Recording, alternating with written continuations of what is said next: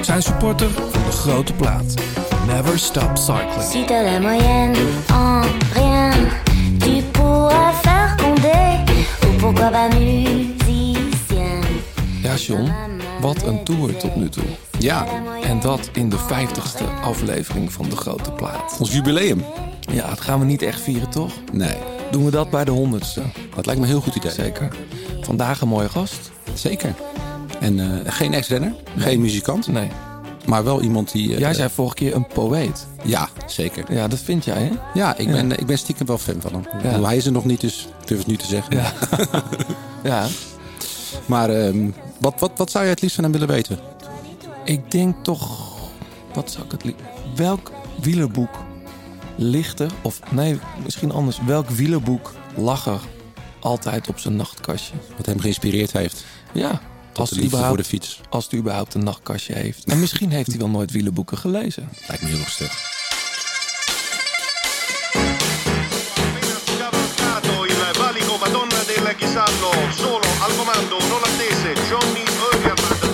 Dat is de liefde. De liefde voor de koers. Blijleven trok de sprint aan. Toen kwam John de Bravo eroverheen. En John de Bravo wordt de nieuwe kampioen van Nederland.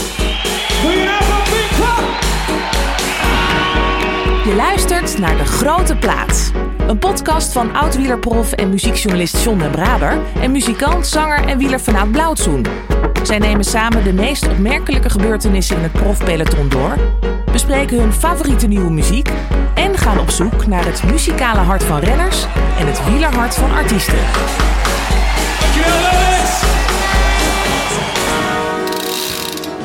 In 2009 verraste hij met het originele verhaal in literair wielertijdschrift De Muur. Ed Wegelius luistert naar Van Morrison. Hij won hiervoor de prestigieuze Hartgrasprijs en daarna groeide hij uit tot misschien wel de sportschrijver des vaderlands. Je kent hem van de messcherpe columns voor onder meer HP De Tijd en wilderige verhalen over vergeten en meestal enorm kleurrijke voetballers en wielrenners. Daarnaast is hij auteur van boeken als Uit Koers, Buiten de Lijnen en, daar dank ik hem echt op mijn blote knieën voor, De Kleine Heine. Ik leg straks uit waarom. en tegenwoordig kijkt hij ook professioneel tv voor de Volkskrant. Welkom Frank Heine.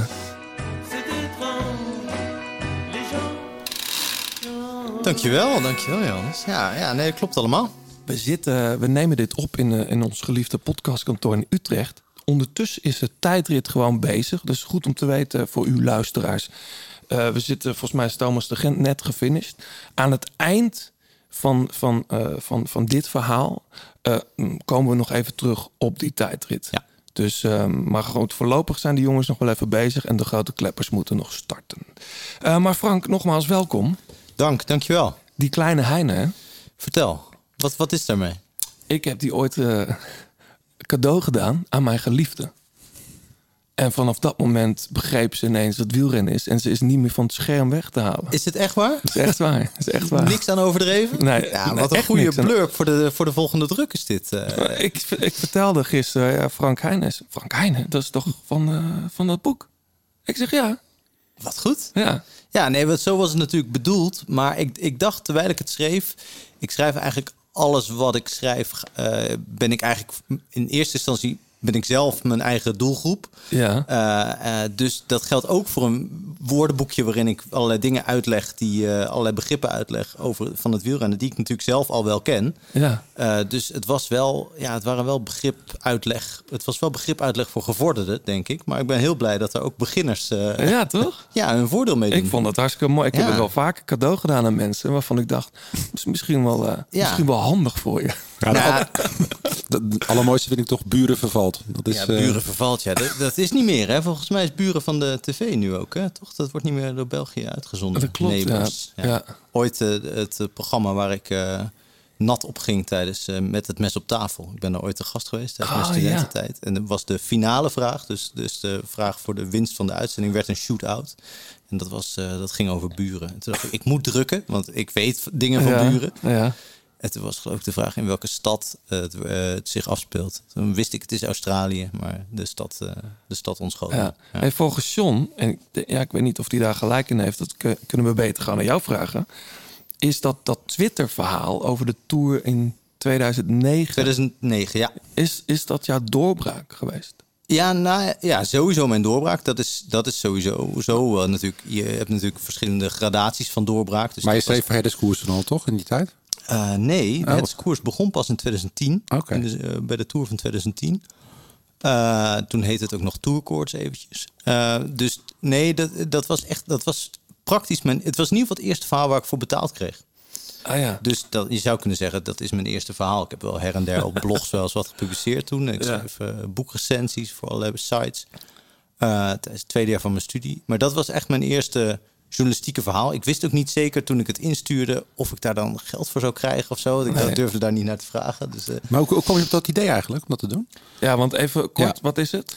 Het is eigenlijk een verhaal, eh, de, de tour van dat jaar, eh naar aanleiding van tweets Ja. van ja, renners. ja eh, de, de reden was eigenlijk, of de aanleiding... ik had wel eens contact gehad met Bert Wagendorp... vanwege zijn eh, rubriek die hij toen had met eh, een paar collega's... het nieuws is gevot in de Volkskrant. Oh ja. Op de sportpagina op zaterdag een beetje satirische, komische sportrubriek. Melig misschien soms. Uh, maar ik was daar groot fan van. En ja, op een gegeven moment gingen ze lezers vragen om dingen in te sturen. Uh, levensverhalen van fictieve sporters. Dus zij, zij begonnen dan over een basketballer, Benno, de boom van der Neut. En wat is daarvan Ja, geworden? ja, en dan stuurde ik hele epistels in.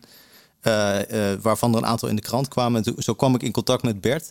En die had daarvoor een verhaal over YouTube en wielrennen geschreven. En toen, zei, toen stuurde ik hem van, goh, een leuk verhaal. Een beetje, uh, een beetje slijmerig compliment. Het, uh, maar, en moet je niet nu over Twitter en wielrennen? Want dat was het jaar dat ik meen Armstrong terugkeerde in de Tour. Of in ieder geval het jaar dat Armstrong aankondigde niet meer met journalisten te praten.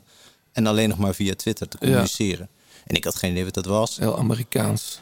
Ja, ja, en hij maakte dat ook uh, heel groot. En toen zaten er ook maar, ik denk, een stuk of 30 uh, uh, toerrenners op Twitter, of misschien 25. Nou, dat is echt in de begindagen. Dat was echt nieuw. Ja. Ja, ja, dat was echt nieuw. En toen zei hij, nou probeer het zelf maar. Want hij vond die stukjes die ik had ingestuurd naar de krant leuk. En dat, was, dat werd uiteindelijk dat verhaal. Ik had verder geen idee. Ik heb nog steeds niet helemaal een idee van wat Twitter is. Hoewel ik, hoewel ik er veel aan te danken heb. Maar, Mhm. maar uh, volgens mij gebruik ik het nog steeds nogal uh, atypisch. Ja, ik ben er ook een tijdje weg geweest. Gek genoeg uh, stopte ik er even mee toen Donald Trump werd verwijderd. Dacht ik, ja, het is toch best wel raar om iemand te verwijderen. Waarom ja. verwijderen? maar goed, het social media gebruik. Ik, ik zat gisteren nog, of eergisteren, op de Insta van Mathieu van der Poel. En dan zie je echt meteen nadat hij dat gepost heeft... alle grote der aarde op wielen. Die dan even ja. gefeliciteerd, Pogacar, uh, ieder, Alaphilippe, iedereen die hem dan uitgebreid ja. feliciteert en complimenteert. Waarvan, waarvan ik toen suggereerde, en, en deels terecht misschien, dat Twitter uh, uh, dat zou overnemen. Heeft Instagram daar denk ik nog een uh, ja. stap bovenop gedaan. Want daar zit iedereen op en daar is het alle communicatie ook helemaal open. Ja. Voor een groot deel in ieder geval. En nee, volgens mij is dat. Nou ja, wat ik toen een beetje in het begin signaleerde, is nu gewoon volkomen mainstream geworden, ja. natuurlijk. Dat, je, dat de communicatie van iemand als Mathieu eigenlijk. Ja, je zou kunnen afvragen waarom zou die überhaupt nog al die interviewjes direct naar de finish doen. Ja, maar ik bedoel ook het onderling contact ja, ook dat. tussen de profrenners. Ja. Dat, Ja. dat meteen, terwijl ze elkaar in de wedstrijd zien en meteen dan op social media elkaar. Ja, het gekke is natuurlijk, dat is toch uh, deels theater. Want je kan ook gewoon mensen appen, je kan ook gewoon iemand aanspreken. Dat is een volstrekt ander contact. Er worden hele andere dingen gezegd Ja. dan wat er publiek wordt gezegd. Dus Ja, er is ook Hoewel, maar daar praten we zo over. Ik zag Pogacar en Alaphilippe waren wel de eerste twee die, die hem kwamen feliciteren. Ja, ook. waren de eerste twee die weer op adem waren. Zeker. ook. Hey, eh, we gaan uitgebreid praten met jou over jouw carrière, over boeken, over wielrennen. Leuk. En natuurlijk de Tour. We zitten er middenin. Eh, het is trouwens de vijftigste editie van de Grote Plaat, Frank. Dus dat Oh, is een bijzondere... van harte, jongens. Ja, nou, we gaan het niet uitgebreid vieren. We hebben afgesproken dat we dat bij de honderdste gaan doen. Ja, dat zou ik wel doen, ja. Ehm, maar eerst even naar de Tour. Wat een eh, ontzettend mooi begin, eh John. Wat, Ja, is man. ons, ja, wat is jou allemaal opgevallen? Ja, het, is wel een beetje bittersweet natuurlijk. Eh, een prachtige overwinning van Van der Poel. eh, nadat de eerste dag eh, ja, toch eigenlijk een beetje tegenviel. Maar al de valpartijen die natuurlijk zijn gebeurd. eh, favorieten die nu al eh, ja, letterlijk, eh, of, maar ja, letterlijk figuurlijk een jasje uit hebben gedaan. Ja. Qua huid en... eh, Mijn broer zei, hij is, hij is gewoon geen Nederlands kampioen geworden. Omdat hij in dat mooie Mercier-achtige shirt wilde rijden. Denk je dat? Nou, dat dacht mijn broer. Dacht, nou, als je ziet die campagne die er gemaakt is, kan ik me voorstellen dat het rood-wit-blauw niet echt geholpen heeft. Maar waar, Typische wielercomplottheorie is dit ook, vind ik. maar waarom rijden ze niet heel de Tour met dat shirt? Vond ik heel jammer. Ze, ze twitterden of ze Instagramden dat. Ik dacht, en iedereen, alle comments waren Ja. van... Het is zo'n mooi shirt, het valt mooi op. Het is, eh, ja, ik vond het jammer. Ja. Nou ja, wat, wat, wat ik het mooiste vind van, van deze openingsdagen is dat eigenlijk eh, de etappes eh, een scenario kenden. Die als je ze zou schrijven, eh, gewoon als ongeloofwaardig zouden worden gezien. Hè? Kijk naar Cavendish die die etappe wint. Ja. En nadat Gaan we die, zo eh, ja, hè, met Bennett, eh, Ja. die dan eh, zogenaamd of misschien echt geblesseerd is, eh, die Er weggaat. werd een hoop gehuild Ja, en gejankt. ja ik, vind- ik vind dat mooi altijd. Als, Ja, toch eh, wel, hè? Ja, maar je ziet, ik ben helemaal geen fan van, nou, van Cavendish, maar ik vind het wel mooi dat hij nu zo, ja, zo op zijn plek is. Weet je. Hij voelt zich lekker en eh, je ziet het wat, het wat het met een renner doet. Hè? Als je, Moest Alaphilippe ook huilen eigenlijk? Of was dat... Nee. Want die moet bijna altijd Nee. huilen. Nee, maar die had dan een keer niet. die nee, maar goed, die heeft denk ik, eh, die was dan net vader geworden. Komt Ja. dan met zijn duimpje, het speentje in de mond. Nee, het sentiment is, eh, was eh, ruim vertegenwoordigd Ja, toch? eh, deze dagen. ja, misschien Ja. heeft het ook wel te maken met de stress die in de koers is. Eh, Dus natuurlijk, eh, er gebeurt wel wat met je. Dus ik bedoel, alle ploegen hebben wel iemand eh, gehad die op de grond heeft gelegen of eh, ja. flink in de kreukels Maar ligt. even Dus- stap voor stap. Van der Poel pakt het geel. Wat Ja. hij eigenlijk een dag eerder had moeten doen, weet ik niet. Ja, dit was toch een iets, iets andere klim hoor. Ja, Was iets lastiger volgens mij die vond dit dag. wel een mooier verhaal eigenlijk. Ja. Ja, zeker. Ja, ja. Ik, ik gaf er eigenlijk geen, geen cent meer voor eh, na zaterdag. Want ik dacht, ja, hij, hij heeft duidelijk alles gegeven. Hij heeft ook geprobeerd erbij te blijven. Ja. Ook voor het geel duidelijk. Ja. Eh, en hij is gewoon op zijn waarde geklopt. Nou, logischerwijs gebeurt dat de dag daarna nog een keer. ja, en dan wordt er gezegd, het is heel gek. Hij zegt dan, ja, muur van Bretagne ligt mij veel minder. Dat hoor ik heel veel kenners zeggen. Ja. De muur van Bretagne, dat is eh, eigenlijk voor Mathieu een veel, veel betere klim, wordt dan gezegd. Want hij is korter. Ja. Dus Maar op die ochtend van de etappe hoorde ik iedereen zeggen... Ja, je moet eigenlijk gewoon een, een eh, klimmer zijn... die ook eh bij wijze van spreken top 10 of top 20 kan rijden. Ja. Want het is gewoon stijl. Het is zo stijl dat je er ook licht voor moet zijn. En zo Ja. licht is hij niet, toch? Eh, nee, hij is, hij, hij is een van de, van de zwaardere. Ja, ik heb hem een paar keer gereden, maar zo lastig is die ook weer niet voor die muur van Bretagne. Dus je moet gewoon een puncher zijn, dan is het, eh, en dat, dat is hij. Ja. Kijk, en eh, hij heeft natuurlijk ook een beetje gegokt die eerste rit. Hè. Op een gegeven moment rijdt hij ertussen. En dan kom je niet weg. Dan, Even ja. eerlijk, hadden jullie het door? Toen de eerste keren over de muur Nee. van... Dat dachten jullie ook, wat doet hij? Ja. Nou, ik dacht dat is uit armoede. Hij, hij Ja. probeert nu eh, eh, Even... iedereen zo in de war te brengen dat hij op die manier nog, want dat is, hij is strategisch ook heel sterk, dat hij het op die manier probeert te doen. ja. Eh, en toen hij terug werd gepakt, dacht Ja. ik, ja, dit is iemand die eh, over zijn eh, hoogtepunt Ja. zeg maar, eh, van, dit, van dit moment heen is. ja, voor de mensen die het hebben gemist... Ik denk dat er heel weinig zijn die dat hebben gemist. Maar hij ging dus bij de eerste beklimming al erop uit. Om, dat was het plan, die acht seconden bonus te pakken. En die had hij ook nodig om uiteindelijk het geel aan te doen. Eh, Ja. echt, echt een mooi plan. Bij de NOS eh, wisten ze het wel, hè? zeiden ze het volgens mij meteen, want ik keek op de Belg, daar, daar hadden ze geen idee. Nee, Bij de NOS werd er meteen gesuggereerd dat dit, eh, dat dit de tactiek is. Echt hondsbrutaal eigenlijk. Om zo, eh, Enorm.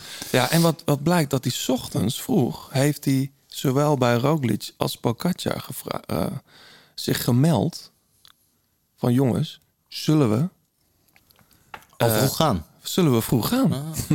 Dus het, het idee van ik heb de jongens misschien nodig, zij mij misschien, en dan pak ik het geel of, de, of in ieder geval de etappe. Dus hij heeft het, en daarom was Pogacar ook zo blij voor Mathieu. Van fuck, het is gewoon gelukt. Hij bedenkt een plan en het is gelukt. Maar zijn, zijn opa trapte ook wel mee hoor. Die klim, want die- dat was echt zo die drijfveer om daar te winnen. Ja. Dat, ik denk dat er niemand liever wilde winnen dan hij. Ja, Ja. en ook dat hij zo geëmotioneerd was. Want hij is toch altijd wel een beetje een coole, een beetje... Hij maakt zelfs soms een beetje een afstandelijke indruk in zijn vrolijkheid Ja. en zijn, zijn grapjes en zo. Dat je denkt van, ja, zit er nou niks onder? Zit er niks achter? En opeens ontploft hij echt. eh, Ja, het is een soort euforie van het winnen van ja, een toerrit, het Ja. geel pakken. Ja. Maar en daar zat echt een. Ja, het is een droom. Dit, dit is een droom. Ja, maar hij, het was bijna een beetje. Hij werd een beetje overstuur bijna. ja, ja hij, hij kon niet meer stoppen. Nee. Hè? Dat was echt, echt wonderlijk om te zien. Vond ik ook niks voor hem. Nee, Maar daar zie je dus dat ook bij die van die mensen die zo cool en ja, een beetje altijd een beetje rationeel overkomen, dat daar toch wel iets, eh, iets broeit onder. zeker. Ja. Gaan zo- we, over dat broeien gaan we het straks hebben. Want jij hebt een prachtig verhaal geschreven in de nieuwe uitgave van De Muur. Daar wil ik het nog even met je over hebben. Komt nog. Ja. Ehm, maar ik vond het ook opmerkelijk hoor. eh, dat, dat, dat gesnik, echt dat, dat ehm, Ja. wel mooi. Maar goed, jongens, die, die hele ploeg. Merlier pakt natuurlijk ook die rit.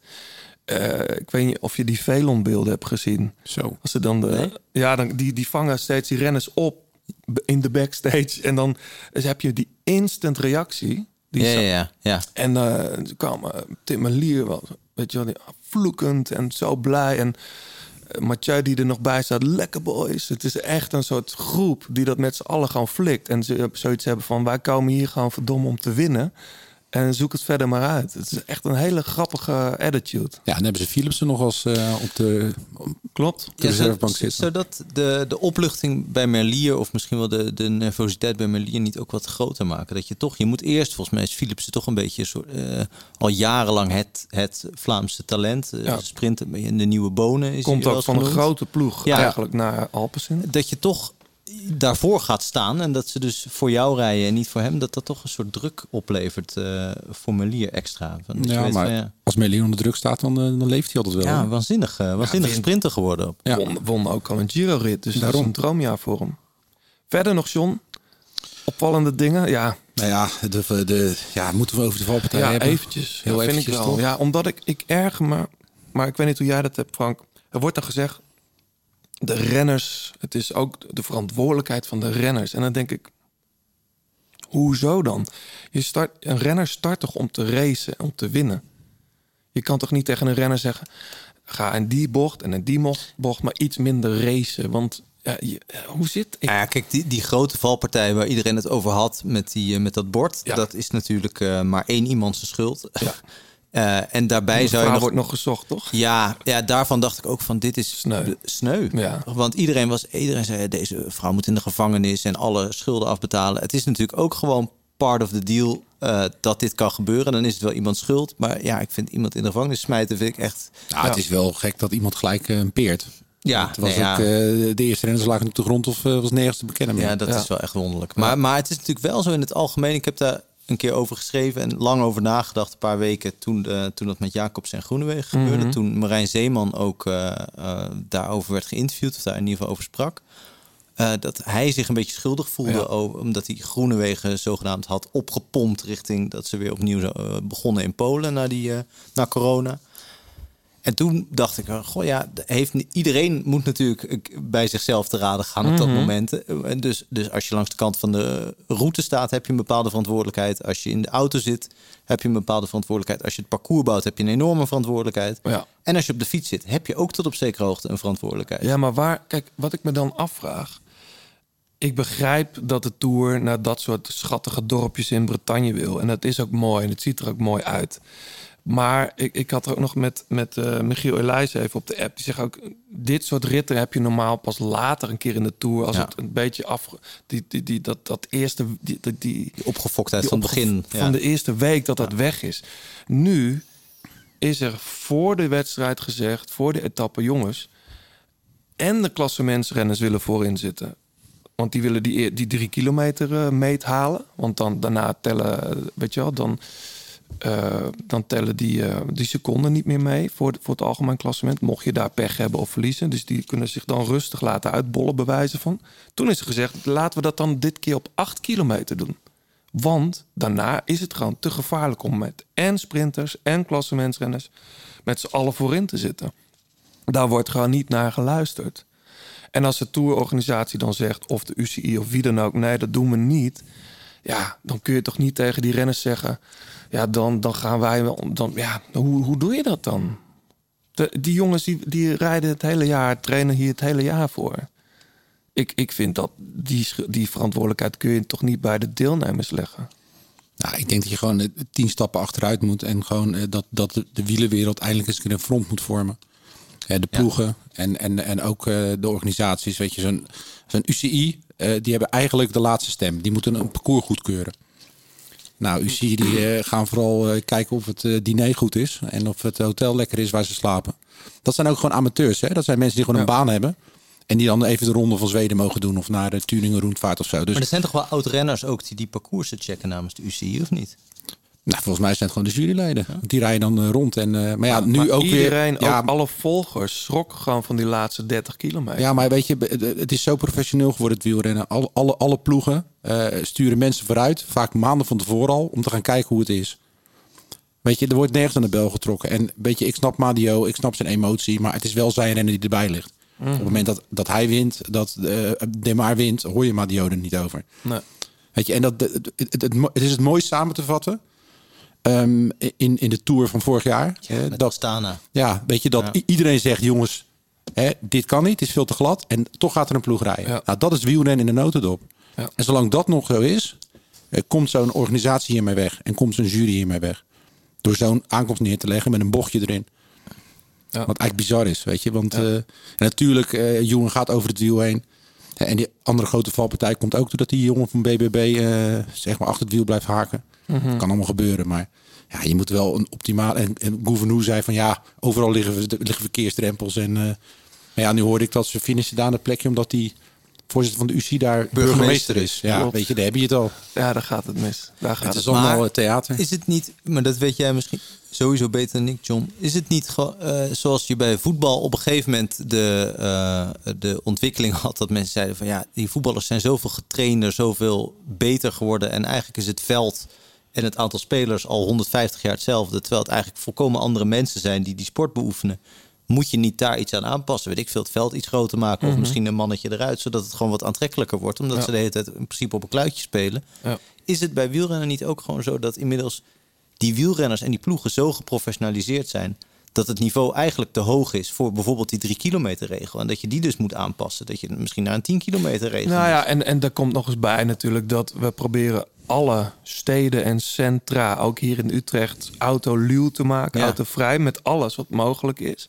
En vervolgens stuur je er wel een peloton met 60 per uur doorheen. Dat, dat, dat klopt natuurlijk niet. Nee. Dus, dus de hele verkeerssituatie is gewoon niet meer ingericht op uh, pelotons die, die er doorheen kunnen ja, komen te het, het moeilijke ook nog met zo'n drie kilometer regel zelf is... als een bergop finish is, een, be ja. een, beetje helling al... dan gaan ze toch tijdverschillen meten. Want ja. ja, dat is, daar hou je je winst. En als je zou zeggen bij elke rit van... ja, de laatste vijf kilometer laat me lekker zitten...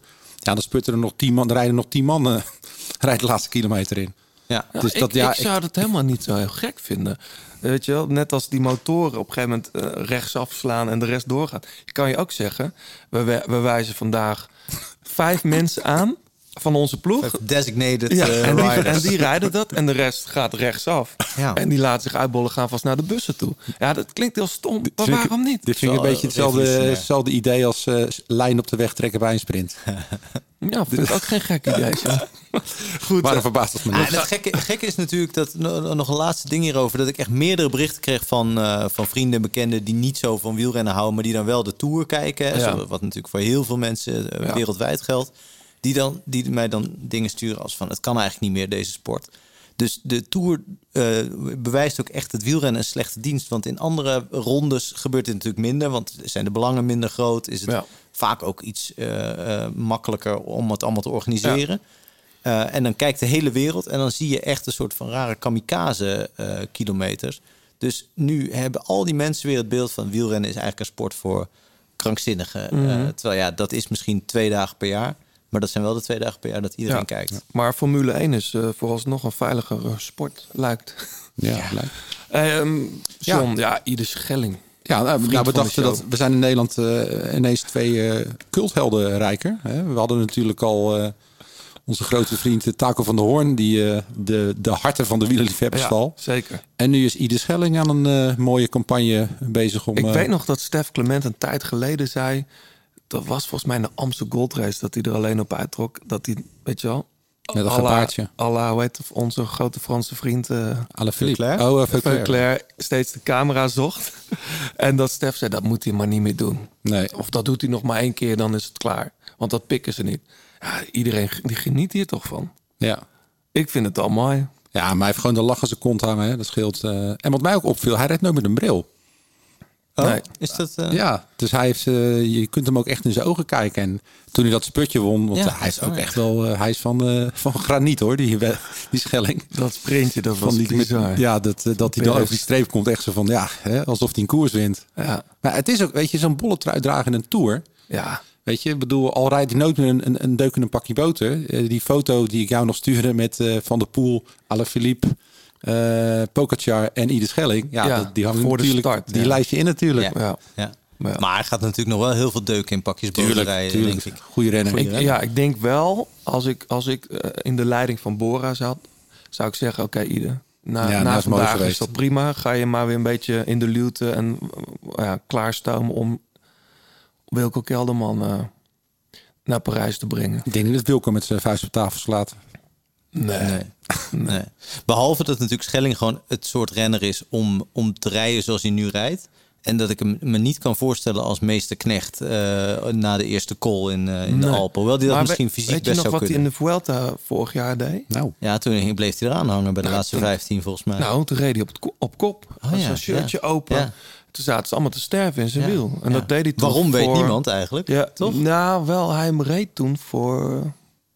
Nou, hij reed toen wel echt voor, voor, voor ik denk voor, nou, Boegman was het niet, Conrad misschien. maar het is ook wel een heerlijk gevoel. Ik, bedoel, ik heb het zelf niet echt heel vaak gehad. Maar dat je bergop mensen pijn kan doen. En als je die benen hebt, dan, dan is het Ja, wel lekker hoor. Vindt hij het ook leuk om te laten zien. Ik denk het wel, ja. Aparte stijl, hè, als hij zo eh, vertrekt. Jeetje, Ja, mooi. lijf gaat alle kanten op. Ja. Nou, en eh, we, we- genoten weer van, eh, van La Course. Mooie wedstrijd. Zeker. Demi Vollering met ja, eigenlijk de geprojecteerde winnares. Het was heel vroeg op de dag. Ja, Ik was wel blij dat ik het nog even zag, want ik heb daarna mijn hele pronostiekploegje omgegooid. Oké. Ik dacht, dit is echt gewoon een best wel een heftige finish. Ja, ja, dat was eh, heel lastig. Dus Ja. eh, knap. En ja, we gaan volgend jaar natuurlijk gewoon een, eh, een, een, echt, een echt rondje rijden. Ja, wel jammer dan toch. Is Anna dan en Chantal zijn die Ja. dan niet te vroeg gestopt? Ja, misschien. Maar ja, maar ja Chantal zal er niet voor overwinning gaan. Maar ja, Maar wel mooi. Volgend jaar een echte, een eindelijk. Ja met, Eindelijk. met, met de mannen als eh, opwarmer. Want die, eh, als die gefinished zijn, dan beginnen de vrouwen. Oh ja, dat gaan ze zo doen. Ja. Maar dat is wel goed, denk ik. Ja, daarom. Dus, eh, Maar ook echt hetzelfde. nee, nee, ze rijden een week. Ja. Dus, eh, maar ja, dat is natuurlijk al mooi, weet je. De, de, Tour Live- de, de vrouwentour is eigenlijk gesneuveld natuurlijk al. eh, Ja. ja. nadat eh de, beetje de, de, de- ja, de, de- ik wil het geen debakel noemen, maar dat de beelden van Van Morsel en Longo Ja. die slalommend Ja. de op de opreden, dat deed vrouwenwielrennen natuurlijk, vrouwenwielrennen natuurlijk geen goed. En nu is het natuurlijk een hele andere lichting. En eh, ja, ik heb- ze verdienen het ook, vind ik. Ik vond het wel weer bijzonder hoe Anne van der Breggen zich dan zo in dienst van Demi Vollering zet. Ja, vond, je, vond, je, vond je dat in dienst? Vind ik wel. Nou, als jij een spurt aantrekt, dan kijk je iemand aan dat je oogcontact hebt en je gaat rijden. Maar zij demereerde echt en Vollering ging al bijna op de kokosnoot. Die reden bijna tegen het wiel van. eh, Nee, maar ik vind, zie jij Valverde of een andere grootheid in het wielrennen al voor een teamgenoot zich zo eh, uitsloven? Ja, maar dat doet ze toch al. eh, al- Ja, maar ik vind het toch twee opmerkelijk. jaar. Ja, zij het- doet het ook vaker dan, dan, Ja. eh, dan andere topvrouwen, volgens mij. Volgens mij is het meer ook haar, zit het meer in haar natuur gewoon. Ja. Dat, eh, en ze zit natuurlijk ook in een ploeg waar dat, eh, waar dat de moeite waard is, zeg Zeker. maar. Want die, die anderen kunnen Ja, maar het zijn ook profs, hè? Ik Ja. bedoel, eh, de- de- en ze doen het gewoon goed. Ja, hey, eh, straks nog veel meer Tour. We gaan het uitgebreid nog over Alaphilippe even hebben. En Mark Cavendish natuurlijk. Eh, en ik wil toch even dit laten horen. Dit vond ik wel een mooie. Moeizaam Hier, Vroom. Vroom staat te voet. Wat krijgen we nu? Vroom loopt de voeten van toe op. Maar al, Dat nee, jongens, wat hier, dat is Dat is ongezien. Ik zeg het Wat nog, hè, is Michel? daar in godsnaam gebeurd? Ik zei het nog, hier moet iets gebeuren. Hier moet Wat iets is daar gebeuren. in godsnaam gebeurd? Dit is irreëel. Dit is irreëel. De leider in de Tour Heeft geen fiets, maar waar is die fiets? Waar is die fiets? Ja, ik dacht ik, toch even dit fragmentje chaos. erbij. Dit, ik, het, had ook een heel ander fragment kunnen zijn. Maar het is dus eh, officieel ehm, ja, de laatste Tour de France van eh, Michel Wuits. Commentator bij de VRT. Waar we allemaal met veel liefde en plezier naar luisterden, luisteren. Eh, wat vind je, er, eh, vind je ervan, Frank? Dat- ik bedoel, jij quote hem ook nog wel veel in je verhalen. Regelmatig, ja. Of eigenlijk het duo, hè? Het duo. Het gaat, het gaat natuurlijk om de, om de afwisseling van de twee. Ja. Hoewel de Kouwer met anderen ook nog wel een goed duo vormt. Bij. Ja. Toch? Met, Ja. met Renaat Schotten met name. Eh, maar ik kan me niet voorstellen dat ik iemand als Karel van Nieuwkerken net zo vaak zou quoten als Wuits. Omdat Wuits natuurlijk ook gewoon veel taliger, eh, uitbundiger is. Je zou kunnen zeggen bloemrijk of misschien zelfs overdreven. Maar ik, vind, dat, ik vind dat mooi. Ja, kijk, wat ik vind van, van die hele pensionering en zo, dat, vind- dat, is, dat is ingewikkeld. Het is natuurlijk heel raar dat iemand die vijf, zes jaar jonger is dan de kouwer met pensioen moet, terwijl de kouwer Omdat gewoon door kan gaan. is. Ja, ja, maar je zou hem natuurlijk ook gewoon weer kunnen inhuren daarna. Volgens mij is dat ook wel met andere Nederlandse sportpresentatoren gebeurd, weet ik niet zeker. Ja. Eh, ja, En dat er op een gegeven moment doorstroming moet komen en dat, dat mensen altijd tegen vernieuwing zijn, is natuurlijk ook, dat geldt voor mij net zo goed. Maar zo'n zo Rick de Sadler heeft ook tot zijn negentigste bij de, het voetbal gezeten. of niet? Ja, Ja, hoe die- ze dat hebben gedaan. Ja. Ik begrijp wel, maar dat hoorde ik uit de Vlaamse kringen.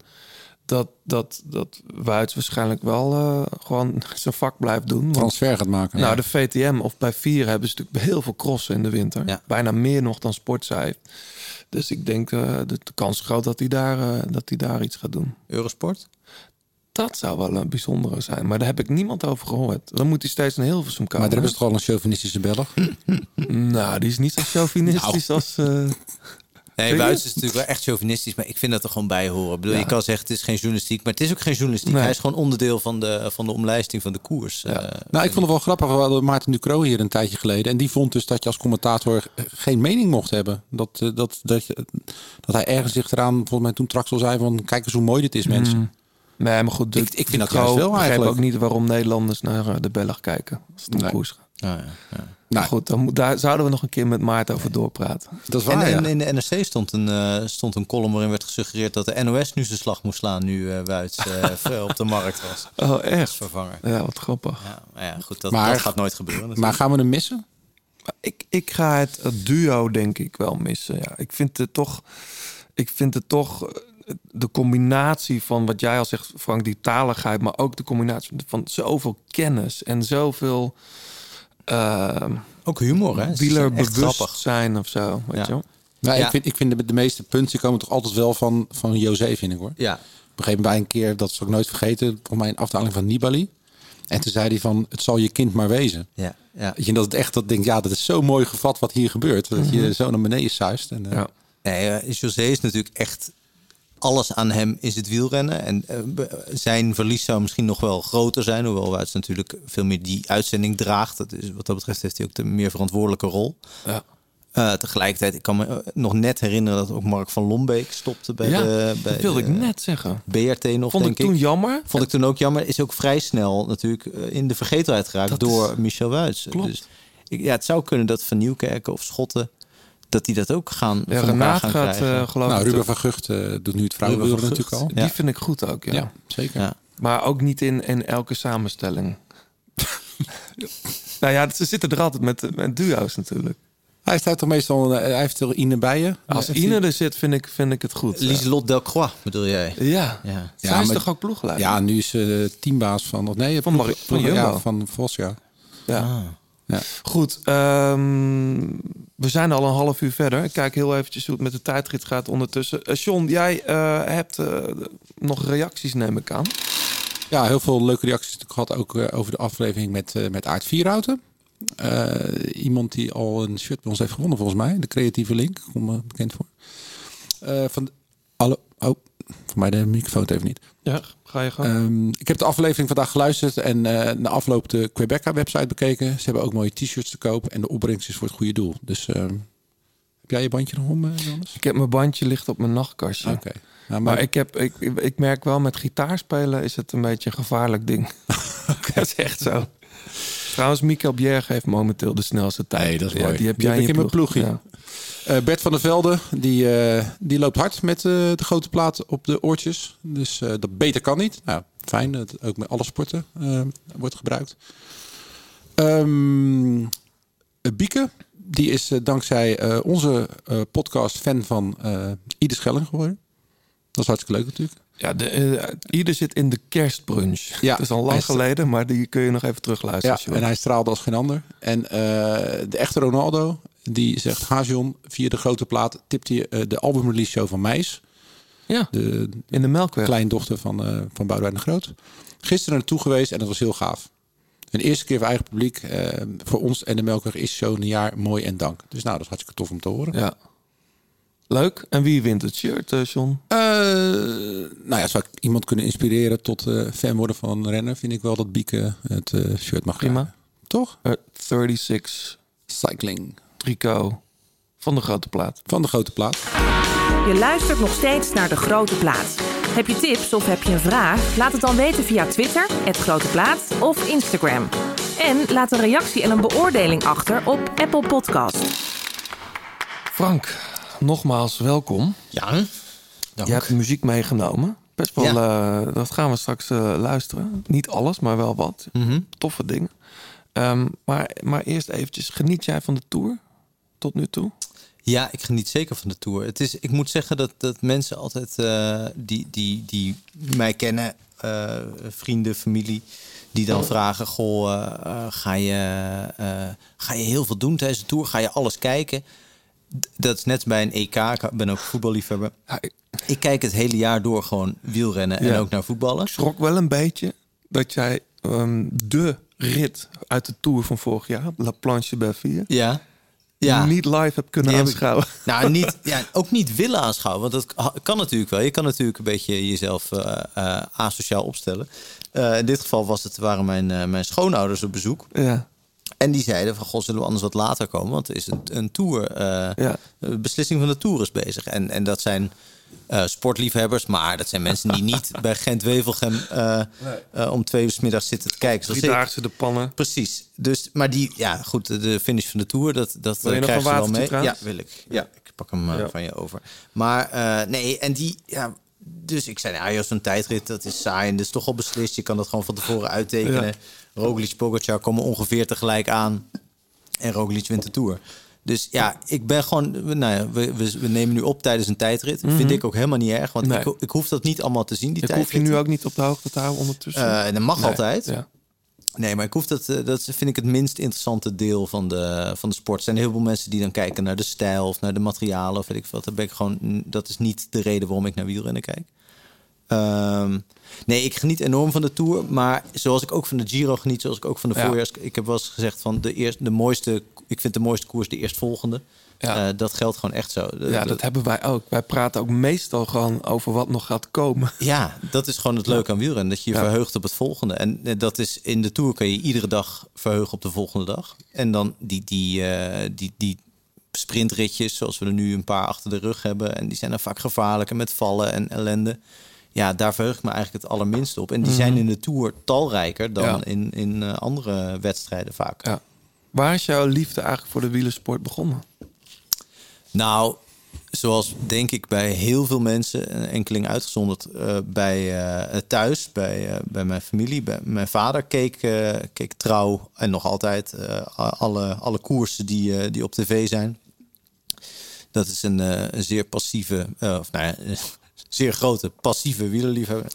Eh, hij is verder helemaal niet passief. Maar eh, eh, nee, hij, ik, en lang, zeker, wij gingen vroeger vaak naar mijn, naar mijn oma in Zuid-Limburg. En dat was dan altijd in het weekend. En daar stond dan ook altijd wel een wedstrijd op. Ja. En dan waren mijn vader en mijn oom waren aan het kijken. Was een voorjaarsklassieker bezig. En ik begreep daar tot mijn achtste, negende helemaal niks van. Nee. Ik, ik, alleen die valpartijen stonden dan in mijn... ja, dat vond ik echt afschuwelijk. En ik begreep ook niet dat dat de hele middag doorging. Ik had er ook een beetje zo'n muffe zondagmiddag eh, Ja. eh, vibe bij. Eh, tot, tot ik denk rond 1995, 96 was ik tien. Ik, ik- zelf heb ik in mijn hoofd de overwinning van Bogert en Aix-les-Bains. Mhm, in de regen. in de regen. Dat dat eigenlijk het begin is. Toen keek ik alleen. Dat was ik dus nou, tien jaar. Toen begreep ik opeens hoe leuk wielrennen kan zijn. Ja. Dus dat is een soort van startpunt. eh. Die won die eigenlijk doordat Mauri de bocht niet goed nam. Ja, ja, ja, ja, zeker. Ja. Ja, jij vindt... Nou, doen we wel een beetje tekort, toch? Nee, Had hem zou kunnen kloppen in de spurt. zeker. zeker. Ja. Nee, maar dat was een schitterende overwinning. En toen begreep ik ook voor het eerst dat, dus, dat je de, de, zeg maar de underdog, wat, wat Boger toen zeker nog was, als begin, eh, ik denk de tourdebutant vermoed ik ook. Maar in ieder geval eh, redelijk onbekende renner. eh, tegen dat grote pak wat hij dan net voorblijft. Ja. Begreep ik gewoon, een van de charmes van wielrennen is eh, dat het niet altijd zo uitpakt als je, Ja. als je van tevoren verwacht. Eigenlijk nooit. En het was ook een, een, een, een van de eerste overwinningen weer. Blijleven had natuurlijk ook al een rit gewonnen, het jaar daarvoor. Maar Ja. na lange droogte. Het, het ging niet zo goed met Nederlands wielrennen. Nee. Dat was eigenlijk een beetje de, Was de het debuut van Rabobank. Ja, het eerste Rabobankjaar. En eh, een- een jonge knul die dan wint. eh, in de ieder schelling van eh, de jaren, ne jaren negentig. Ja, ja. Dus ik, ik snap dat wel. Dat het dan eh, Nee, het nog was meer gewoon een hele heeft. aantrekkelijke, ook meer dan Blijlevens, wat natuurlijk eh, echt een topsprinter was en die, die in die periode ieder jaar wel een rit won. Eh, ik ben nooit echt een groot sprintliefhebber geworden, ook da- nadien niet. Maar ondanks zijn grote klasse vond ik zo'n overwinning van Bogert zo tegen de bierkaai Ja. en dan eh, toch boven komen. Dat vond ik ja, gewoon veel inspirerender, los van of het knapper was, eh, dan zo'n overwinning van Blijlevens. Ja. Maar herken je dan ook iets van jezelf daarin? Van het moeten knokken voor alles? of, Eh, eh, nee, ja, nee ik, ik, ik, ik moet niet meer of minder knokken dan andere mensen. Misschien eerder minder dan meer, denk ik. Maar eh, nee, ja. Kijk, ik denk dat iedereen zich wel kan identificeren als, die zich, als, als je je verdiept in wielrennen. Kan je altijd naar koerssituaties of naar renners kijken en daar. En dat op de een of andere manier eh, betrekken op je eigen leven of op je eigen karakter. En denk van, oh, ik zou nu zo reageren. Of ik zou in die ploeg die en die rol aannemen. Of ik zou Ja. Eh, dit zou ik niet kunnen. Of dit, ja, misschien als ik eh, het talent had, zou ik zo'n soort figuur zijn. Was jij van de week eh, blijer geweest als Brent van Moeren had gewonnen? In plaats van Kevin? Nou, ik denk bij Brent van Moer, want die won die rit in de Dauphiné. Ja. Ik denk als hij nu ook dit meteen, want eigenlijk hij is nog maar net echt aan de, aan de 23 top verschenen. Eh, ik, ik zou dat eigenlijk net te snel vinden. Hij moet eerst nog een paar keer in het zicht van de haven. Gewoon als, als schrijver eh, over wielrennen, denk ik, is het, is het beter voor hem als hij nog een beetje. Als Ja. zijn verhaal nog een beetje gelouterd wordt. Als hij nu meteen het allerhoogste wat je als, als Thomas de Gent-achtige renner kan winnen, bereikt, namelijk net het peloton voorblijven in zo'n rit. Ja, dan moet je nog tien jaar. En dan kun je dat eigenlijk alleen maar herhalen. Dan kun je Ja. er nooit meer. Nooit Dus meer ja, ja, jij, jij kijkt, wat dat betreft past dat ook beter in, in, in wat jij mooi vindt aan wielrennen. Dat, dat Mathieu die eerste dag juist niet het geel pakt. Dat, ja, En dat hij dan- ja. Los van dat ik me daar wel echt op had verheugd. Ja, moet ik ook zeggen. wel. Ja, ja, als chauvinist. Maar soort dat van voor dat- het verhaal was beter. Dat Dan Jensen-syndroom. Weet je, Ja. dat is natuurlijk... eh, De schaatser. Die schaatser die eh, drie keer eh, op de Spelen faalde, pech. En uiteindelijk op een afstand die, die, waar hij eigenlijk niet zo goed in is, toch het Olympisch goud had. Maar wat dat betreft, Frank, is dit wel verhaal technisch. De Cavendish, eh, Zo. ja. Maar ook ja. Alaphilippe. Ja. Ja, Alaphilippe vind- is, is een lastig... eh, Daar heb ik ook een groot verhaal voor gemaakt, eh, over gemaakt in de muur vorig jaar. Dat is een hele bijzondere figuur, maar is natuurlijk wel zo goed. Dat geldt voor Pogacar tot op Ja. zekere hoogte ook. Dat, dat, er, eh, dat er iets van diepte aan ontbreekt. Alleen hij brengt er zelf voortdurend diepte in aan... door bijvoorbeeld eh, gedeclasseerd te worden in, eh in luik bastenaken luik of, of te vallen. Of dan, dan, dan gebeurt er weer iets in zijn persoonlijk leven... Ja. Wat in ieder geval qua verhaal bijzonder is of de moeite het waard verlies van zijn vader. Verlies van zijn Maar vader. ook zijn, de nieuwe liefde. nieuwe liefde dan- van een collega-renner. Precies, er zit genoeg, Ja, nee, nee, het is, het is een hele fascinerende, fascinerende figuur. Maar natuurlijk niet iemand die echt die...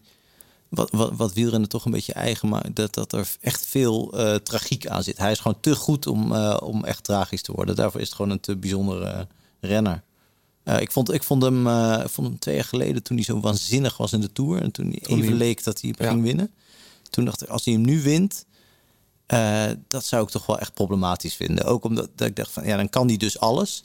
En dat betekent of dat hij de boel belazert... Mhm. of dat hij zoveel beter is dan de rest... dat, ik eigenlijk niet meer, dat het niet meer interessant is om naar te kijken. Nee. Dus ik was blij dat hij toen nog eh, instortte... eh, twee dagen van tevoren, twee dagen voor het einde. Ja, dat is gek is dat. Hè? Dat sommige die zijn zo flawless dat je bijna geen fan kunt zijn. Dat ik met, Ja. met Indurain bijvoorbeeld. Ja. Vond ik Ja. echt een, Ja. een prachtige Die was echt saai natuurlijk. Ja, weet je. Ja, maar aan de andere kant denk ik, in het geval van Indurain, ik, ik weet ook mijn eerste plakboek, zeg maar, dat ik maakte van de Tour. Dat, waren in, dat was in de jaren dat Indurain alles won. Dus mijn plakboek stond vol met stukjes uit L'Equipe. Met de longinhoud van Indurain, met zijn fiets en zo. En ik wi- wist niet anders, maar achteraf, toen had ik dat nog niet meteen door. Maar een paar jaar later natuurlijk wel. Dacht ik, daar zit natuurlijk een hele wereld achter Indurain. Waar wij nooit zijn achtergekomen. Ja. Want het is ook, hij is nooit geschorst geweest. Hij is nooit in opspraak geweest. Terwijl iedereen weet natuurlijk hoe hij zijn tours heeft gewonnen. Hij is vooral op het goede moment gestopt, denk ik. Ja. Ja. Hij hij, dat is wat. Hij ging wel één keer dramatisch toen. eh, Ja, dat Nou, was natuurlijk dat- goed voor zijn verhaal. Hè? Dat hij Ja. op weg naar Pamplona, wat dan Ja. een soort van zijn ereronde moest worden. Hij zou dan sowieso de zesde Tour gaan winnen. Ja. Echt grandioos eh, ijs het ging, aflegde. En Van Ries natuurlijk met name. Ik geloof dat Dufo toen won. Maar Ries he- heeft hem Ja. toen echt vernederd natuurlijk, Klopt, ja. eh, die Tour. Was het ook de tour dat, dat, dat Ries won? Ja. Oh ja, 96 man. Ja. Hey, maar zo, zo, zo rond die periode sloot jij dus het wielrennen in je hart. Ja. Ging dat toen gelijk verder dan tv? Ging je veel lezen? Ik bedoel, Ja. ja. we hadden het er net over. Had je een wielenboek op je nachtkastje liggen bijvoorbeeld of snel? Eh, ik geloof het wel, ja. ja. Je hebt natuurlijk niet die... eh, ik was toen nog echt wel redelijk jong. Dus echt eh, wieler jongensboeken of kinder jongens en meisjesboeken... die zijn er niet echt volgens Nee. mij. Eh, zeg maar de afdeling, eh, de eh, snelle Jelle, maar dan de wielervariant... die bestaat volgens mij niet. Maar wel al vrij snel, ja, ja, dat had ik met, met voetbal ook van die statistieke boeken. Dus van die wielerrevue jaarboeken. Ja. Oh ja. Die kon je dan bij de, bij de slechte, want die waren na twee jaar waren die natuurlijk volstrekt. eh, ja, van die almanakken. Van Herman Harens. Herman Harens, ja. En dan had ik die, die, die, die kon je dan bij de slechte ko- kopen. En de- die mocht ik dan eh, van mijn ouders meenemen. En dan zat ik gewoon eindeloos die, die, eh, Uitslagen. die uitslagen te Ja, bestuderen. geweldig, ja. Ja, ook wel een beetje zorgwekkend natuurlijk. Als je 11 Ja. of 12 bent. Maar ik herken het trouwens heel erg. Ik heb precies hetzelfde gedaan. ja, ja, en dat, had je, dat heb ik een paar jaar gedaan. En toen, toen ja, ben ik langzaam overgestapt op de echte... eh, en ik las ook wel de, de stukken in de krant. Dus de wedstrijdverslagen was natuurlijk toen ook wel nog iets groter. Omdat het niet eh, voor een groot deel door het internet was overgenomen. Mhm. Ehm, maar nee, dus, dus dat, ik ben redelijk snel ook... eh, Het begon natuurlijk bij, bij het wielrennen is natuurlijk wel echt een, eh, echt een tv-sport tot op zekere hoogte.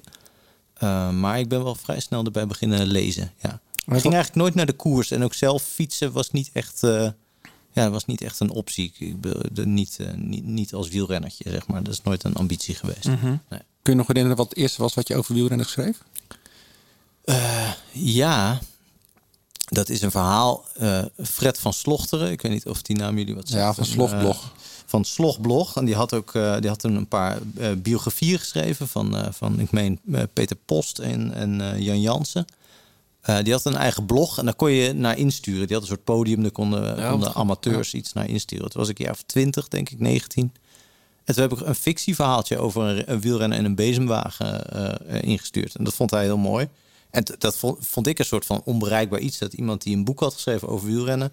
dat hij mijn verhaal mooi vond en plaatste. En zei van deze jongen die, eh, Ja. die heeft aanleg en zo. Dat vond ik echt... Toen was eh, je net begonnen met moderne letterkunde. eh, nee, toen was, ik, toen was ik net gestopt met een andere studie. Oh, echt? dus het was, het was, ik was misschien ook wel in een crisis dat ik dacht, wat moet ik nou eigenlijk? En ja, toen schreef ik al wel voor mezelf. Toen dacht ik, nou, misschien over sport, want dat vind ik ook leuk.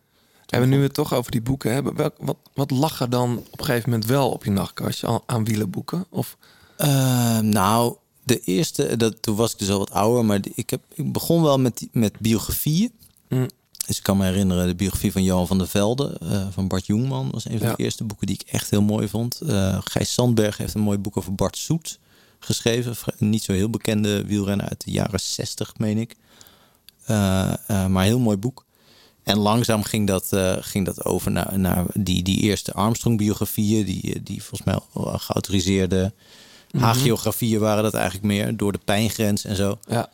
Eh, en dat, dat waren, het waren niet per se de allerbeste wielerboeken die ik nu, waarvan ik nu zou zeggen, dat is, dat is de absolute top. Hoewel het boek van Jungman wel echt heel goed was. Mhm.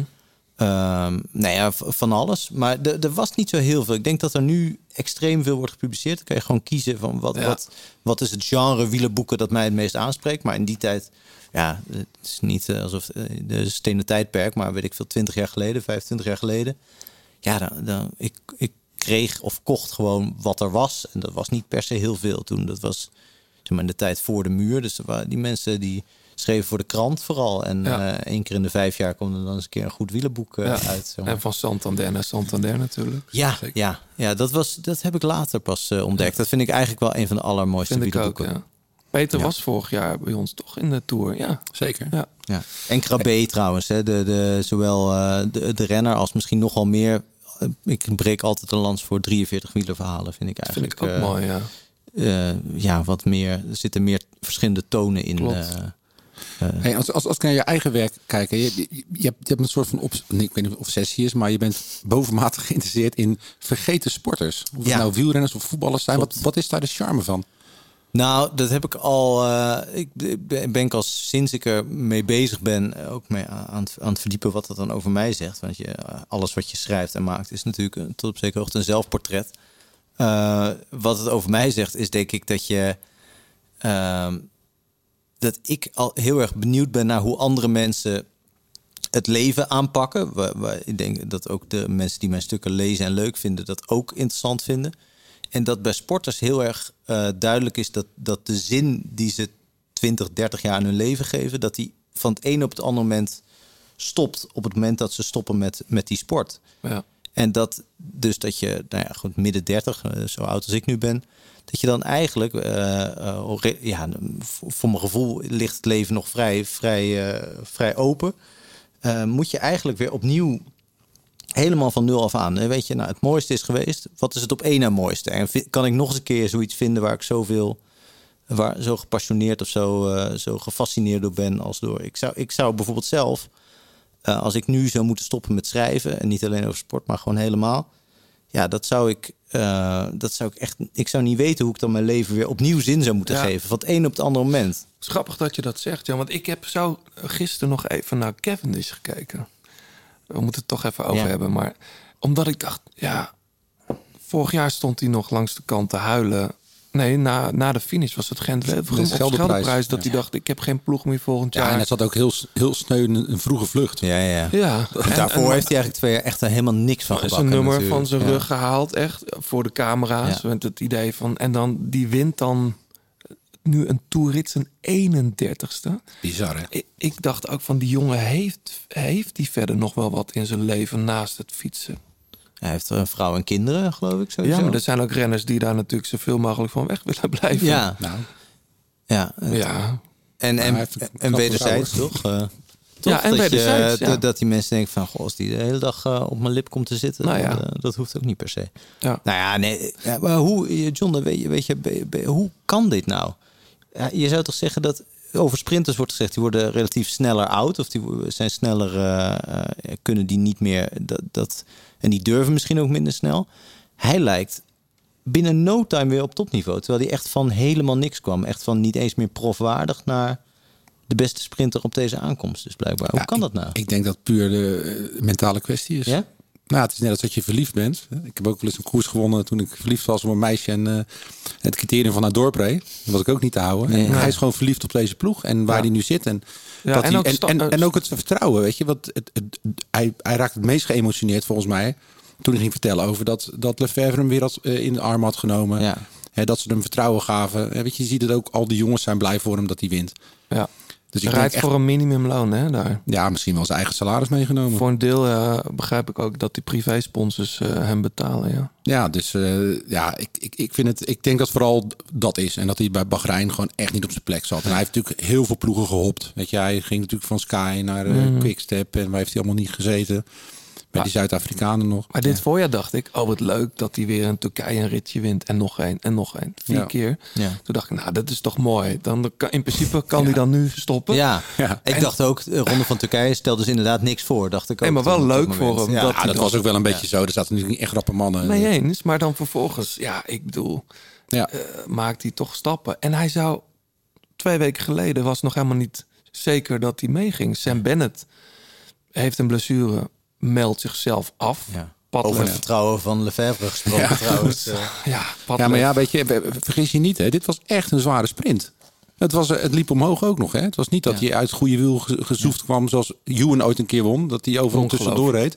ongelooflijk. Dit was En, echt gewoon een knappe overwinning. en hier won hij al eerder, hè? Ik weet niet of het exact dezelfde finish was, maar wat vind, wat vind je eigenlijk de mooiste van Kev? Als je zou 31 toerritten gewonnen. Oh, van de toerit. Ja, Ja, van de nou ja, Tour. dan. Ik heb ze niet allemaal Nee. scherp. De Sporza had trouwens een soort eh, eh, collage heb gemaakt niet van gezien. alle 31 eh, op een rijtje. Eh, nou ja, kijk, nu denk ik, deze, dit is de mooiste. Ik bedoel, gewoon Ja. puur, Verhaal. puur voor het verhaal. Ik denk wel, bedoel, even los van Cavendish, denk ik, als je nu Ballerini bent of Bennett, dat is toch echt voor je zelfvertrouwen echt funest hoor. Ja. Dat, je, dat je zo voorbij wordt gestreefd binnen de ploeg, maar ook in het peloton door ja, gewoon iemand die, die helemaal was afge, afgeserveerd. Nee, ik zou die laatste zeggen bij Cavendish. Ja. Ik vind ook, over het algemeen vind ik sprintritten is, is- zijn natuurlijk prachtige sprints, Ja. maar ik kan er zelden zo van genieten Ja, als van Ik kan geen races. enkele specifiek herinneren. Jawel. Van de ritten die hij gewonnen Ach, heeft. jawel. Ja, noem er eens een. Ja. Nou, ik, ik weet er één, maar dat komt ook omdat ik dat weet. Omdat op een gegeven moment had je in Parijs... hadden ze bedacht. We gaan Oh, net ja, als met, ja. met atletiek een camera naast mooi, de baan rijden. En dat was volgens mij reed hij toen bij HTC Columbia. Nou, toen eh, deed hij die... Mark Oh, je hem zo langs. Ja, Ja, ja. die deed de lead-out. Het enige nadeel daarvan, je zag dus alleen Kev op een gegeven moment rijden. En je, wist geen idee, je had geen idee wie rijdt er naar achter. En kreeg je dat totaalshot van voor. En toen zag je, hij wint hier met, met, met 5, 6 meter verschil. Ja, er stond niemand op de foto. En, en daar voelde je ook die snelheid. En dat had je eerder, kon je dat tv nooit echt zo meemaken. Die snelheid van tegen de 70 per uur, zo'n sprint winnen. Dus die, die staat mij wel heel erg bij, ja. Het gekke bij Cavendish is dat je toch ook, of in ieder geval ik, moet denken aan de momenten dat hij zich misdroeg. Dat is Ja. toch, eh, die zijn eh, die keer met Tom Velers. Ach, ja. Herinner Ja, ik op, me. de, op, op, op de Spelen dat hij die, de eh, Spelen, die Aziaten van de fiets afrijdt. Een keer met Sagan heeft hij volgens mij nog eens een keer eh, een valpartij. eh, Ja, en ook altijd na de interviews na afloop. Ja, dus journalisten afzeiken en zo. Dat is Nou, maar het grappige is, John, jij hebt echt dit, dit seizoen of vorig seizoen al een paar keer aangegeven dat je Kev best wel een vervelend mannetje vindt. Zeker. En langzaam k- groeide er toch een soort sympathie weer. Nou, voor de sportman. eh, Ja. eh, niet voor de persoon. Want ik vind nog steeds een, eh, een zakkenwasser. Eh, want eh, nou, je ziet nu, als het slecht met iemand gaat, dan worden ze altijd wat aardiger. Hè? Ja. En dan worden ze, gaan we vaak met de pers praten. Maar ik heb gewoon hele nare dingen van hem gezien. Eh, onbeschoft, inderdaad. eh, gewoon renners. Dat hij tijdens omnium op te spelen gewoon echt iemand van zijn fiets afrijdt omdat hij op zijn wiel rijdt. Weet je, dat soort dingen, frustratie. Oh ja, dat ja. Ja, Ja, dat was echt dat hij niet gedeclasseerd is. Echt, dat begrijp ik nog steeds niet. Maar nu zie ik gewoon een, een, een ja, eigenlijk weer die jongen van toen hij bijna toen hij begon. Hè, dat hij voor Ja. het eerst eh, de Scheldeprijs won. Weet je, de, de, de, de pure blijdschap en de reden waarom hij ooit dit is gaan doen. Ja. Eh, En niet meer, het gaat niet meer om geld. Het gaat nu om gewoon om als eerste over die streep komen. Of het nou in Turkije is of in de Tour. Maar wat maakt dat betreft, niet heel veel uit. Ik, wat dat betreft vind ik, het- heb ik hem altijd wel bewonderd. Omdat het altijd, hij bracht altijd iets. Of het nou schoonheid was of lelijkheid. Maar er zat altijd een verhaal of iets geks aan vast. En ik, ik las, eh, laten we daarheen gaan. Ik las jouw verhaal, Frank, in De Muur over Pogacar. ja. Ik, ik had een beetje de indruk, om maar over kleurrijke figuren te, sprook, eh, te spreken... Dat, dat jij Poca een beetje een toch wat saai renner vindt. Nou ja, kijk, wat hij de afgelopen tour heeft gedaan en hoe hij heeft aangevallen, hoe hij heeft gereden, kan je hem natuurlijk onmogelijk saai noemen. Maar als je zijn persoonlijkheid, als je daar een beetje, ik heb hem niet gesproken, maar eh, eh, als je heel veel interviews met hem kijkt, leest eh, en, en over hem leest, dan komt daar weinig tot niks spectaculairs in naar voren. En dat is misschien wel zijn grote talent, maar eh, het, is, het is wel, ik schrok er ook wel van. Dat, Maar je dat zegt dan- een van de spectaculairste sporters van zijn generatie. ja, ja. Hij heeft alles en toch ontbreekt er iets. Ja, en, en volgens mij kom ik aan het eind tot de conclusie dat, het, dat er toch een soort van moeiteloosheid van hem uitstraalt. Zeker als hij na de finish is hij heel snel weer fit. Hij- hij- je, je ziet dan niet zo goed hoe, hoezeer die heeft afgezien. Van de Poel heeft het ook soms een beetje, wel die ook wel heel diep kan gaan en dan zo eh, Mhm. op de weg kan gaan liggen. Maar die heeft natuurlijk ook zoiets, zoiets moeiteloos kan die hebben. Dat Ja. ziet er heel mooi uit. Maar Pogacar heeft dat nog meer. En dan denk je, ja, wat heeft hij nou? Heeft, heeft hij wel die, al die bergen beklommen, Ja, weet je wel? ja. En zeker natuurlijk in die, in die de, de totale climax van die, van die, die eh, tijdrit op de Planche de Belleville. Ja, dat, dat ging zo makkelijk. Eh, eh, echt, echt verbijsterend. En daarna, ja, hij keek wel een beetje verbaasd. En hij riep, hij riep wel, heb ik gewonnen, heb ik gewonnen. Maar, maar that's it, weet je wel. Ja, ik, ik bedoel, dit was een van de meest spectaculaire momenten... die ik ooit in het wielrennen heb gezien. En eh, die jongen is, herinner ik me niet. Ik herinner me alleen het, het moment. Ja. Dat- dus wat hij deed. Je kan zeggen, ja, daar gaat het ook om. Ja. Eh, Maar de, de enige emotie zat eigenlijk aan, aan, het, aan het verliezende kamp. Precies. Bij hem zag je dat, Dat is niet. natuurlijk vaker zo. eh, dat, het, eh, dat het, eh, hoe heet het, succes is een saai verhaal. En wat dat betreft is hij, eh, is hij voorlopig een saai verhaal. En zal hij ongetwijfeld nog wel eens eh, tegen tegenslag of nederlagen aanlopen. En krijgt hij op die manier wat verdieping. Mm. Eh, er is ook een periode geweest dat, dat Robert Geesink een jonge, talentvolle renner was. Die, waar eigenlijk niet zoveel aan over te vertellen was. En nou ja, goed, die heeft natuurlijk eindeloos veel verdieping gekregen. Veel meer dan hem lief is. Ja. Eh, gaat trouwens wel goed met Robert. Ik had hem gisteren even op de app. Hij, hij eh, wordt in Nederland geopereerd. En hij stelt dan ook in Nederland. Dus eh, wat heeft hij? ja, had ik even gemist. iets tussen zijn schouder. Dus niet zijn sleutelbeen gebroken, maar het, het, het verbindingstuk met je schouder en je, en je arm. Daar zit iets. daar wordt hij voor, gaat hij voor onder het mes. Ja. Ja. En bij Pogacar, kijk, ik, ik, eh, nu ging dat verhaal over Pogacar. Over Roglic heb je tot op zekere hoogte... eh, zou je een vergelijkbaar eh, Ja, analyse kunnen maken natuurlijk. Ja. Wordt over gezegd dat dat een grappige, leuke gast is in de ploeg. maar dat zien wij niet. Maar je ziet het niet. Nou, Nee. we zagen het een heel klein beetje. Dat hij zei van, eh, als je de eerste etappe valt, brengt dat geluk. Dus dat was wel een soort Ja, van... hij heeft iets droogs zelfspot, eh, eh, ja. Ja. hey, we gaan even naar muziek, jongens. Eh John, jij hebt iets meegenomen. Ik ken het wel. Heb het niet eerder gedraaid? eh? Nee, Weet je het zeker? zeker. De grote plaat kopgroep. How long is what you asked? How long do you think it's gonna last?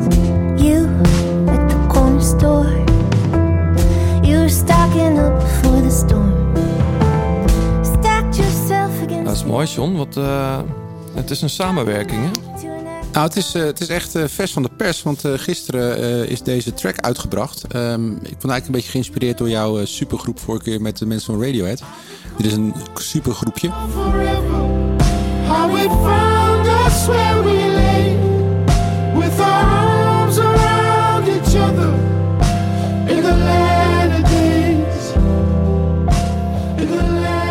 zijn namelijk eh, Aaron Dessner van eh, The National en eh, Bon Iver. Iver ik weet, het Bon. Iver. Bon Iver. Ja.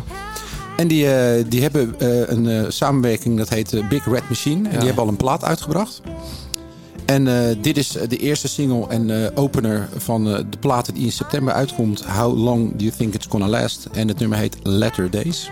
ja, maar het is de zangeres, Annies Mitchell. Ja, ja want ze hebben een, eh, de komende plaat. eh, het, het, is, ja, het is eigenlijk een iets groter verhaal achter. Eh, ze hebben een soort organisatie, dat heet People. Op een rare manier geschreven. Een samenwerksverband tussen allerlei artiesten. Daar, zij organiseren evenementen. En werken dus met tracks met elkaar samen. Eh, op het aankomende album eh, zijn onder meer de- dat deze dame te horen. Eh, maar Robin Pecknold ook van Fleet Foxes. Ja. Sharon van Etten, Ben Howard, Lisa Hannigan. Dus ja, het wordt echt een, echt een, een feest van samenwerking. En zijn broertje van, van Aaron, Bryce, die doet de orchestratie. Ja, Mooie Bryce muziek. is degene die, die in Parijs woont en Ja. al die klassieke samenwerkingen Zeker. doet. Ja, Dus ik ben heel benieuwd naar, de, naar de, het hele album. tof. Big Red Machine. I recall it all forever. How we sheltered in our place. And we called each other lovers. In the latter days.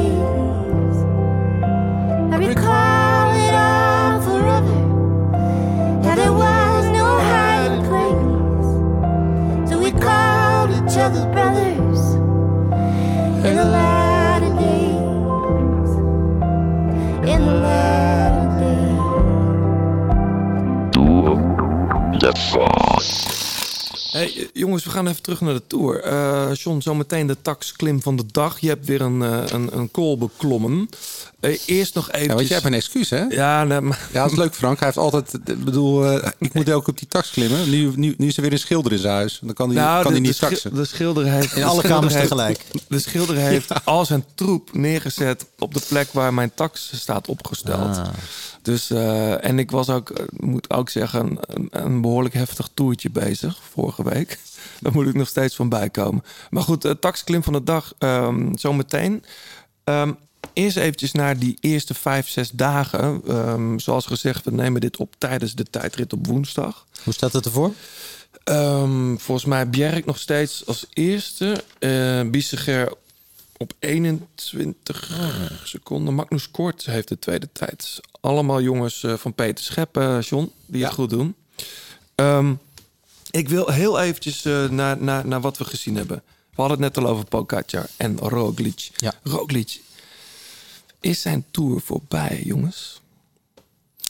Nee, denk Nee? het niet. Nee. Maakt hij echt nog kans om, om op de eindwinst? Nou ja, ik, Clement had het over eh, tien dagen herstellen van je lichaam. En eh, bedoel, eh, die jongens zijn zo fit. Die, Hij viel echt hard op zijn kont. Hè? Dus dan zitten bilspieren, die heeft hij nodig. ja, Bijvoorbeeld bij die tijdrit van vandaag. ja. Ja, maar het, het- zijn, het zijn toch met name schaafwonden, toch? Of niet? Of heeft hij ook echt Nou, eh ik dacht- spier? Ik denk dat hij eh, hard klachten? gevallen is. Want als je hem zag vallen, hij gleed niet door of zo. Nee, hij kreeg daar zat in de, maar hij, hij flikte volgens mij wel wat. Want Colbrelli die, die, die was eigenlijk veroorzaker van de valpartij. En die was Ja. nog, alsnog boos op Roglic. Ja. Ja. En die wilde ook niet zijn excuses aanbieden. Nee, ik afloop. denk dat hij gewoon ergens in een gaatje dook wat er helemaal niet was. Nee. Dus ehm, ja, Wie, wie zijn, als jullie nu zouden moeten zeggen, de sterkste van die eerste week, zeg maar, tot nu toe? We zijn nog voor de bergen. mag verrassing ook. Ja, nou, nou. Ik vind Quintana wel lekker meedoen. Ja? Ja, hij liet Ja. zijn neus even zien ook eh, op die, eh, in die eerste of tweede rit. Tweede rit volgens mij. Ja. Ja, hij viel aan hè, op de Ja. muur de Bretagne. Ja, hè? de Bretagne. Ja, ja, ik zou, eh, behalve Pogacar, die natuurlijk de, de grote favoriet is en tot nu toe de beste indruk maakt van die favorieten, Ja. eh, Kelderman toch ook wel heel, Kelderman. heel sterk. ja Echt zit- heel sterk. Hij valt niet. Hij is wel gevallen. Oh wel, ja, hij is wel- Ja. ja. hij klopt. Hij is wel even gevallen. Maar niet, niet zo ernstig als we van hem gewend zijn. Nee. Maar denken jullie serieus Ja. dat, dat hij... is- Ja, jij bent heel stellig. Hè? Ja, Dat hij kan winnen? Ik denk, ik, nou, ik denk dat hij podium kan rijden. Ik denk dat hij top 3 kan rijden. Ik heb hem altijd het idee dat er wel weer wat gebeurt en dat hij wat tegenkomt. Of... Ja, maar stel dat dat nou een keer niet gebeurt. Nou, ja, het zou wel helemaal met deze Tour passen. Hè? Met al die mooie verhalen en dit Dit wat is zo. al... En de, en de Giro die, ik, die die dan verliest vorig jaar. Ik dacht bij Kelderman, we hebben altijd geroepen... en misschien wel tot vervelens toe... ja, die gaat misschien wel een keer een grote ronde winnen. Dan heeft hij bijna die Giro te pakken. Hij verliest daar een grote ronde.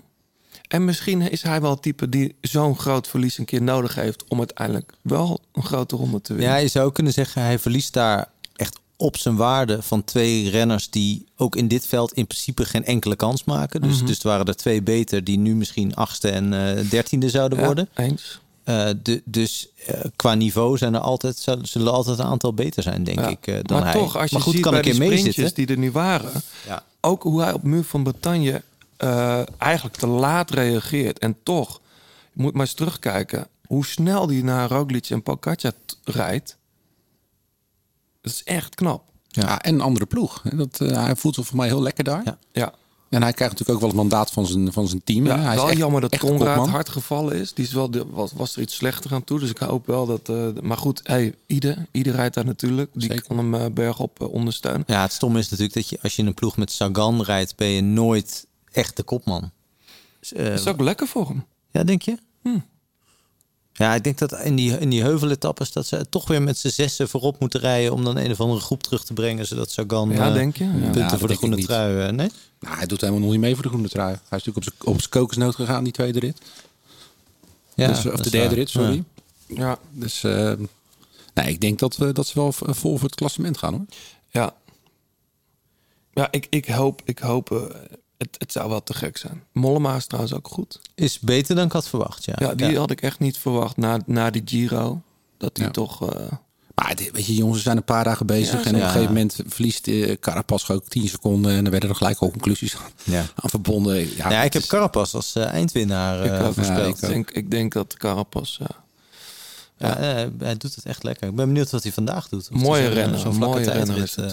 Ja, en ik hoop gewoon dat, dat Ineos met die ploeg eh, zeg maar, eh, een beetje rijdt zoals ze reden in de Giro. Maar dan met een veel sterker, eh, eh, veel sterker team.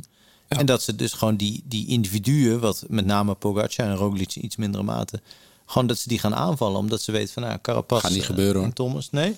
kan me niet voorstellen. Hm. Kijk, dat was natuurlijk uit nood geboren. Hè? Dat ze voor ritten gingen, dat Ghana erop uitging. En, eh, ja, nu hebben ze gewoon echt wel een plan eh, voor het klassement. En, zo Nee, maar ik bedoel dus dat je op die manier eh, in principe individueel betere renners, eh Pogacar en Roglic, zo moet kunnen isoleren door bijvoorbeeld, weet ik veel, Poort vooruit te sturen. Ja. Zo, om op die manier je, je overwicht uit te spelen. Omdat toch, zeker afgelopen tour, bleek dat als je de sterkste ploeg hebt, dat er dus dat je daar niks aan hebt als je, eh, als je de individueel iets betere renner niet op achterstand eh, eh, weet te krijgen. Jumbo heeft het natuurlijk echt la- nagelaten. Dat lijkt me een fout die Ineos eh, nu niet weer gaat maken. Nou, maar ik, denk- ik denk ook dat, dat als, als Jumbo op de- die Tour van vorig jaar terugkijkt... dat ze het nooit meer zo zouden doen. Nee, los dat van het feit dat is dat gewoon ze- een partij over zelfoverschatting geweest. Ja. Dan heb ik jou daar. Ja, die je ook van ver aan zag komen Ja. op de een of andere manier. Ja. Ja. Hey, wat vinden we van de nieuwe rol eigenlijk van Wout van Aert? Heeft niet meegesprint, heeft toch wel echt in dienst gereden. Ja, maar wat, wat, wat is zijn rol eigenlijk? Nou ja, dat weet ik niet. Maar Nee. vorig jaar mocht hij gewoon eh, tijdens de, de massasprints... of in ieder geval de sprintkansen... mocht hij voor eigen... Maar dat mocht hij nu ook wel. Alleen op, nou ja, in, in die rit dat... eh, Nou, maar hij doet het niet. nee, omdat op een gegeven moment was Alaphilippe weg. En toen heeft hij gewoon gezegd van... nou, die rit pak ik sowieso niet meer. Dus ik probeer de schade voor Roglic te beperken. Want Alaphilippe is natuurlijk gewoon een contender straks weer. Voor de, eh, zeker met alle bonificaties die er zijn. Ja. Ik denk, dat, dus, denk niet dat het per se is gezegd van... jij bent knecht. Ik denk dat hij gewoon net iets minder goed is dan vorig jaar. Denk je niet? Hij heeft, eh, hij heeft met- een operatie Ja, gehad. blinde Blinde darm. darm, ja.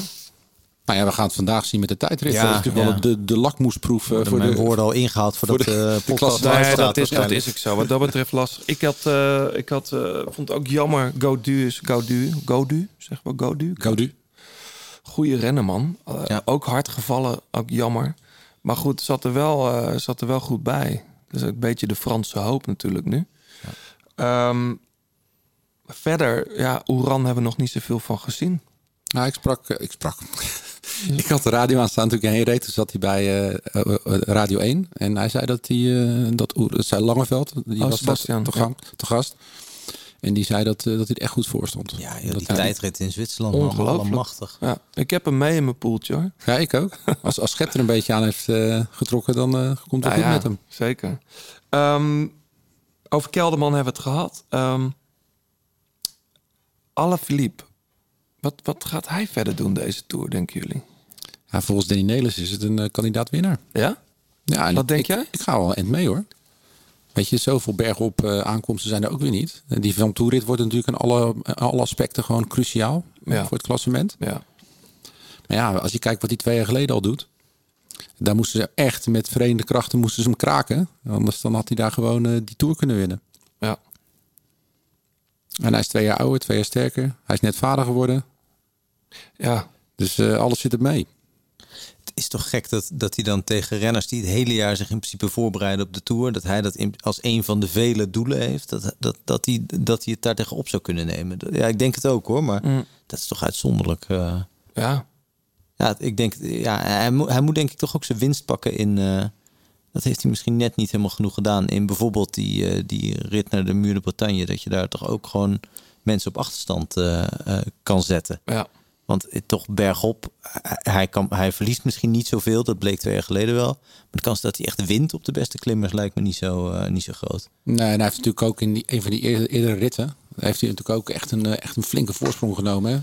In 2019. Ja, precies. Maar goed, als je ziet, we gaan, we, gaan straks even kijken naar het parcours wat, eh, wat er nog aan zit te komen dit weekend. Maar dan, dan kom je er toch al snel achter dat het een niet al te zware tour is. Hebben we vorige keer ook al gezegd. En da- dan denk ik ja, dat Alaphilippe best wel een eind kan komen.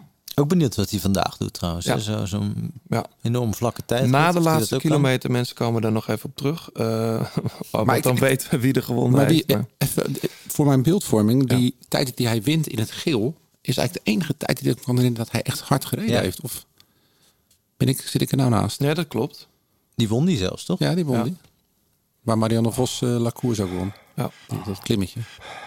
Is natuurlijk typ- typerend voor eh, bepaalde eh, coureurs die als ze vooraan het klassement komen, opeens bij de eerste vijf ook van de tijdrit eh, rijden of zo. De magie, klimmers de magie van de trui. Ja, ja, zo heet het.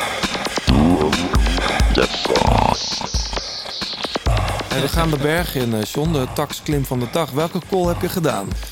Nou, ehm, ik was een beetje aan het... Aan het eh, ik plaag je ermee over, want ik vind, eh, vind het heel fijn om de taxi te, te kruipen, dat weet je. Ja, is, Ehm, is vernieuwd geloof ik de software. Of heb je nog geen update gedaan? Eh, nee, de, de, de, de accounts zijn gemigreerd. Dus Garmin en Tax zijn nu Ja, dat één. klopt. Ja. Dus nee, ik heb gewoon op mijn iPadje heb ik gewoon de nieuwste app als het goed is. Maar, Ja. nee, ik ben met mijn fiets naar de Col Dupré getrokken. Dat is echt een rodding. Dat is een, nou ja, ja, nou ja, het ligt aan hoe hard je hem op fiets natuurlijk. Dat is de, die voor de Cormet de Rosselan ligt. Ja, die zit in eh, etappe 9, eh, die we zondag eh, de vierde gaan, gaan rijden. Dat is de één na laatste klim. Want we wilden eigenlijk naar, ik wilde eigenlijk naar Tienjes gaan, maar dat, die, zit, die, zat, die zat er niet op. Nee. Dus misschien komt hij nog. Ehm, ja, je kunt hem eigenlijk vanaf, vanaf twee kanten omhoog. Ehm, vanuit Beaufort. Eh, de ene is wat, wat saaier, maar deze gaat, eh, ehm, is een iets smallere klim. Eh, begint wel eigenlijk vanaf het begin al best, wel, best wel omhoog te lopen. Maar het is wel een, wel een loper en hij is eh, 15 kilometer. En ja, je hebt mooi uitzicht boven op een stuurmeertje. En het laatste stukje gaat, gaat, gaat iets naar beneden. En eh, in 2018 zijn ze hem ook al eh, overgereden. Maar is dit dan de kant van... als je hier dan naar beneden knikt... dat je dan de Cormier de Rosseland opgaat? Ja, hij is in twee delen. Hij zat Ja. ook bij een andere, bij een, ja, in een duo. Af en toe Ja. moet, je een beetje, moet je ook goed zoeken. Maar het is, eh, hij is 5% gemiddeld en eh, stukjes bij van 13%. Ja. Ja, en als En je dat- dus op de tax dat doet... dan gebruik je dus wel het verzet... wat je ook echt op zo'n klim zou moeten rijden, toch? Het is niet Ja. dat je hem dan op de grote plaat hebt liggen. Nee, nee, zeker niet. Want het, eh, bij andere software kun je nog wel eens eh, de instellingen veranderen. Zodat eh, je met schakelen iets niet Ja. minder hoeft te schakelen. Maar nee, dit is gewoon echt binnenblad, binnenblad grote plaat. Ja, ja, ja. Gewoon je kleinste verzet rijden dan. Ja, ja, dus ik moet eigenlijk, als ik dit vaker doe, en dat zit er wel in als jij elke keer een excuus hebt, dan moet ik toch even een, echt een grote eh, kransje erop zetten. Dus eh, even met Shimano bellen. Rijd je 39... eh, Ja, ik heb, een, ik heb een 39 voor en ik heb volgens mij eh, 28 achter of zo. ja. ja, dat moet eigenlijk... moet wel een beetje leuk blijven. Een beetje wat uit kunnen genieten. Want ja, daar is met die taxsoftware kan je... Ja, dat is wel leuk, net of je in Frankrijk bent. Ja, tof. Ja. Volgende keer eh, van toe, denk ik, John? Of, eh? Twee keer hè dan? Twee keer. Frank, jij hebt, eh, jij hebt best wel toffe muziek meegenomen. Ik verbaas me eigenlijk niet dat je Kate Tempest hebt meegenomen. Ik zal je uitleggen waarom. Vertel. Laat ik het eerst even horen. It's coming to pass. My country's coming apart. The whole thing's becoming such a bumbling farce. Was that a pivotal historical moment we just went stumbling past? Well, here we are, dancing in the rumbling dark. So come a little closer. Give me something to grasp. Give me your beautiful, crumbling heart. Another disaster, catharsis, another half discarded mirage, another mask slips. I face off with the physical, my head's ringing from the love of the stars. Zo hypnotiserend is het. Ja, het is echt, dit is ook een wat tragere versie volgens mij. Ze heeft ook, maar het is, het is People's Faces. People's Faces, ja. Ja. En je hebt ook inderdaad van een live optredens eh, op YouTube, denk ik eentje van een Glastonbury of zo. Je ziet dat zij, eh, wat, altijd, wat volgens mij Joost Prinsen ooit zei, je moet net voor het moment zijn dat je geëmotioneerd wordt eh, door wat je aan het doen bent. Eh dan moet je als artiest net voorblijven, want dan wordt het het beste. Bij haar zie je echt dat ze wordt meegesleept door de eigen teksten of door de muziek, maar in dit, eh, met name natuurlijk de teksten. En dat, eh, dat, ja, dat, dat ze daar echt een beetje in opgaat. Dus dat ze echt, eh, ik vind het echt schitterend. Het is Ja. live ook heel bijzonder, ja. Nou, kijk, waarom, waarom, ik, waarom het me niet helemaal verbaast. Om, eh John noemde jou eh, voordat jij binnenkwam ook een poëet. En de manier waarop jij zelf voor, voor dingen voordraagt, ook voor hoe heet het, voetbal, Studio voetbal. Studio voetbal. Eindsignaal. Daar zit ook een soort, daar zit wel een, Een ritme. Soort ritme, een soort spoken word-achtige vibe in soms. Ja, ja, soms zeker. Ja, Ja. Ik, eh, ik probeer daar een beetje in af te wisselen in, in, in vorm. De, de kern is natuurlijk altijd een klein portretje van in dit geval een, een voetballer van lang of kort geleden.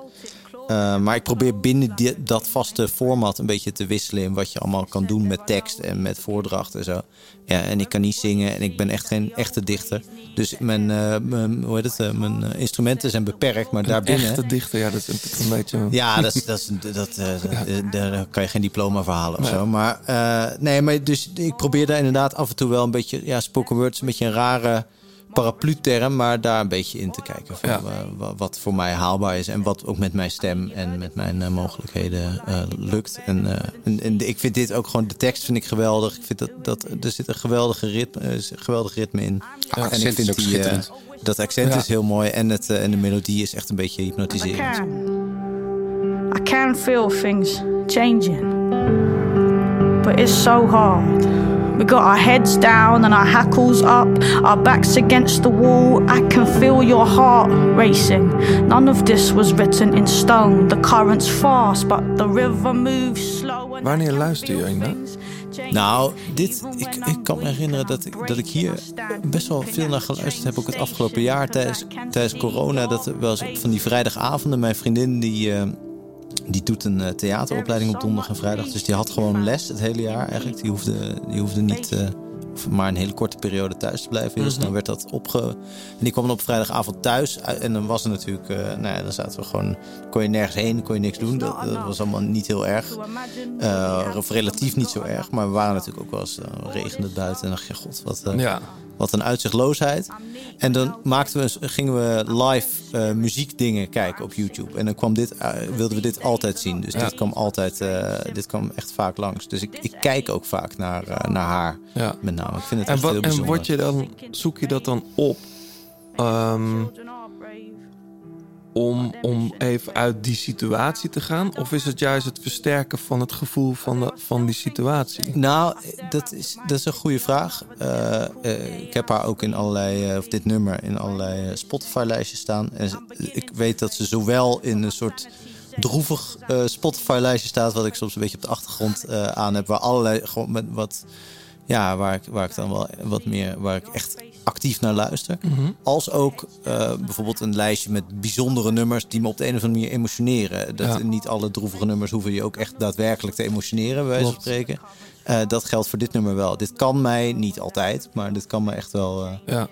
echt raken, Ja, zeg maar. Ja. ja. ik, merk- ik merk dat ook wel. Sommige muziek, die zoek je eigenlijk uit voor het moment. Soms heel instinctief. Ja. Om eigenlijk de mood waar je al in zit, zeg maar, Ja. te versterken. Of misschien wat meer aan te kleden of aan te dikken zelfs. En soms zoek je ook iets juist om eruit weg Ja.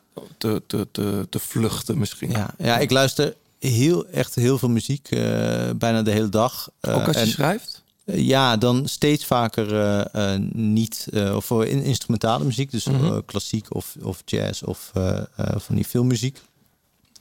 Eh, vroeger nog wel eens eh, gewoon ook, eh, ook zang, maar dat is steeds minder eigenlijk. Leidt te veel af? Leidt toch te veel af, Mhm. ja. ja. Hoewel ik niet heel, heel vaak niet naar de tekst luister, maar dat is toch, een stem horen is toch wat dat betreft een beetje afleidend. Over stemmen gesproken. Wanneer luister je dit dan? Ja, dit, dit is echt heel lekker. Ja, dit is een beetje het introotje. Maar dit is echt... Volgens mij is dit van een cd van twee jaar geleden. eh Sampa the Great. I picture all of the best shit. On to the next shit. I netted all the shit that make it perfect. Yes, and leaving out the shit I gotta work through. Hurt you, blame it on the dad I know you work through. Uh, running fast, just smash up the meter. Hard basing, hot by the heater. Heat up every girl in a all a seven meter. Just testing me and asking for a beater. Ja, het is zo Ja. fijn dit. Sampa the Great Ja, met ja. Silent J in dit geval. Toen dit twee jaar geleden uitkwam, eh, volgens mij in het najaar. eh, dit, dit is denk ik een van de laatste keren dat ik een, een artiest ontdekte met een nieuwe cd. Ik, had- ik had nog nooit van haar gehoord. Ik had nog nooit van... en die cd kwam uit. En eh, volgens mij was het niet haar eerste plaat. Klopt. Eh, maar ik, dat ik meteen helemaal verkocht was. Dus heel veel artiesten die ik nu heel veel draai en waar ik, waar ik naar concerten van ga, moet ik altijd even aan wennen. Moet ik een beetje ingroeien. Moet ik een beetje, die moet ik leren kennen. Mhm. En hierbij was ik meteen echt in één keer verkocht. Dus dit, dit vond ik met dit nummer was ik echt, eh, vond ik echt waanzinnig. En heb ik ook bijna eh, kapot gedraaid. Zeg maar. Ja. In de zin van dat ik het zo vaak luisterde dat ik, dat ik het daarna weer een paar maanden weg moest leggen. Eh, die hele plaat. Maar ja, dit was echt een van de laatste keer Ja, dat je tof, een beetje zo betoverd kan worden door een nieuwe, eh, een nieuwe artiest. Ja, we hebben het nooit volgens mij gedraaid eh, hier. Maar misschien, dit is inderdaad 2019, Ja. is er ook iets nieuws uit? Ze heeft volgens mij begin dit jaar of eind vorig jaar nog een soort live Oh eh, je. plaat uitgebracht. En dat was niet allemaal even zuiver, zeg maar. Maar wel heel, eh, heel eh, opzwepend. Maar, maar wel echt, eh, daar, daar had je bij moeten zijn. Heel Misschien, lekker eh, dit, ja. Sampa the Ja. Great. Cause it's broke, it's no joke. I smile hard when I choke. Fix it, feel it, think we destined to be. Pointing all the fingers, right, they pointing at me.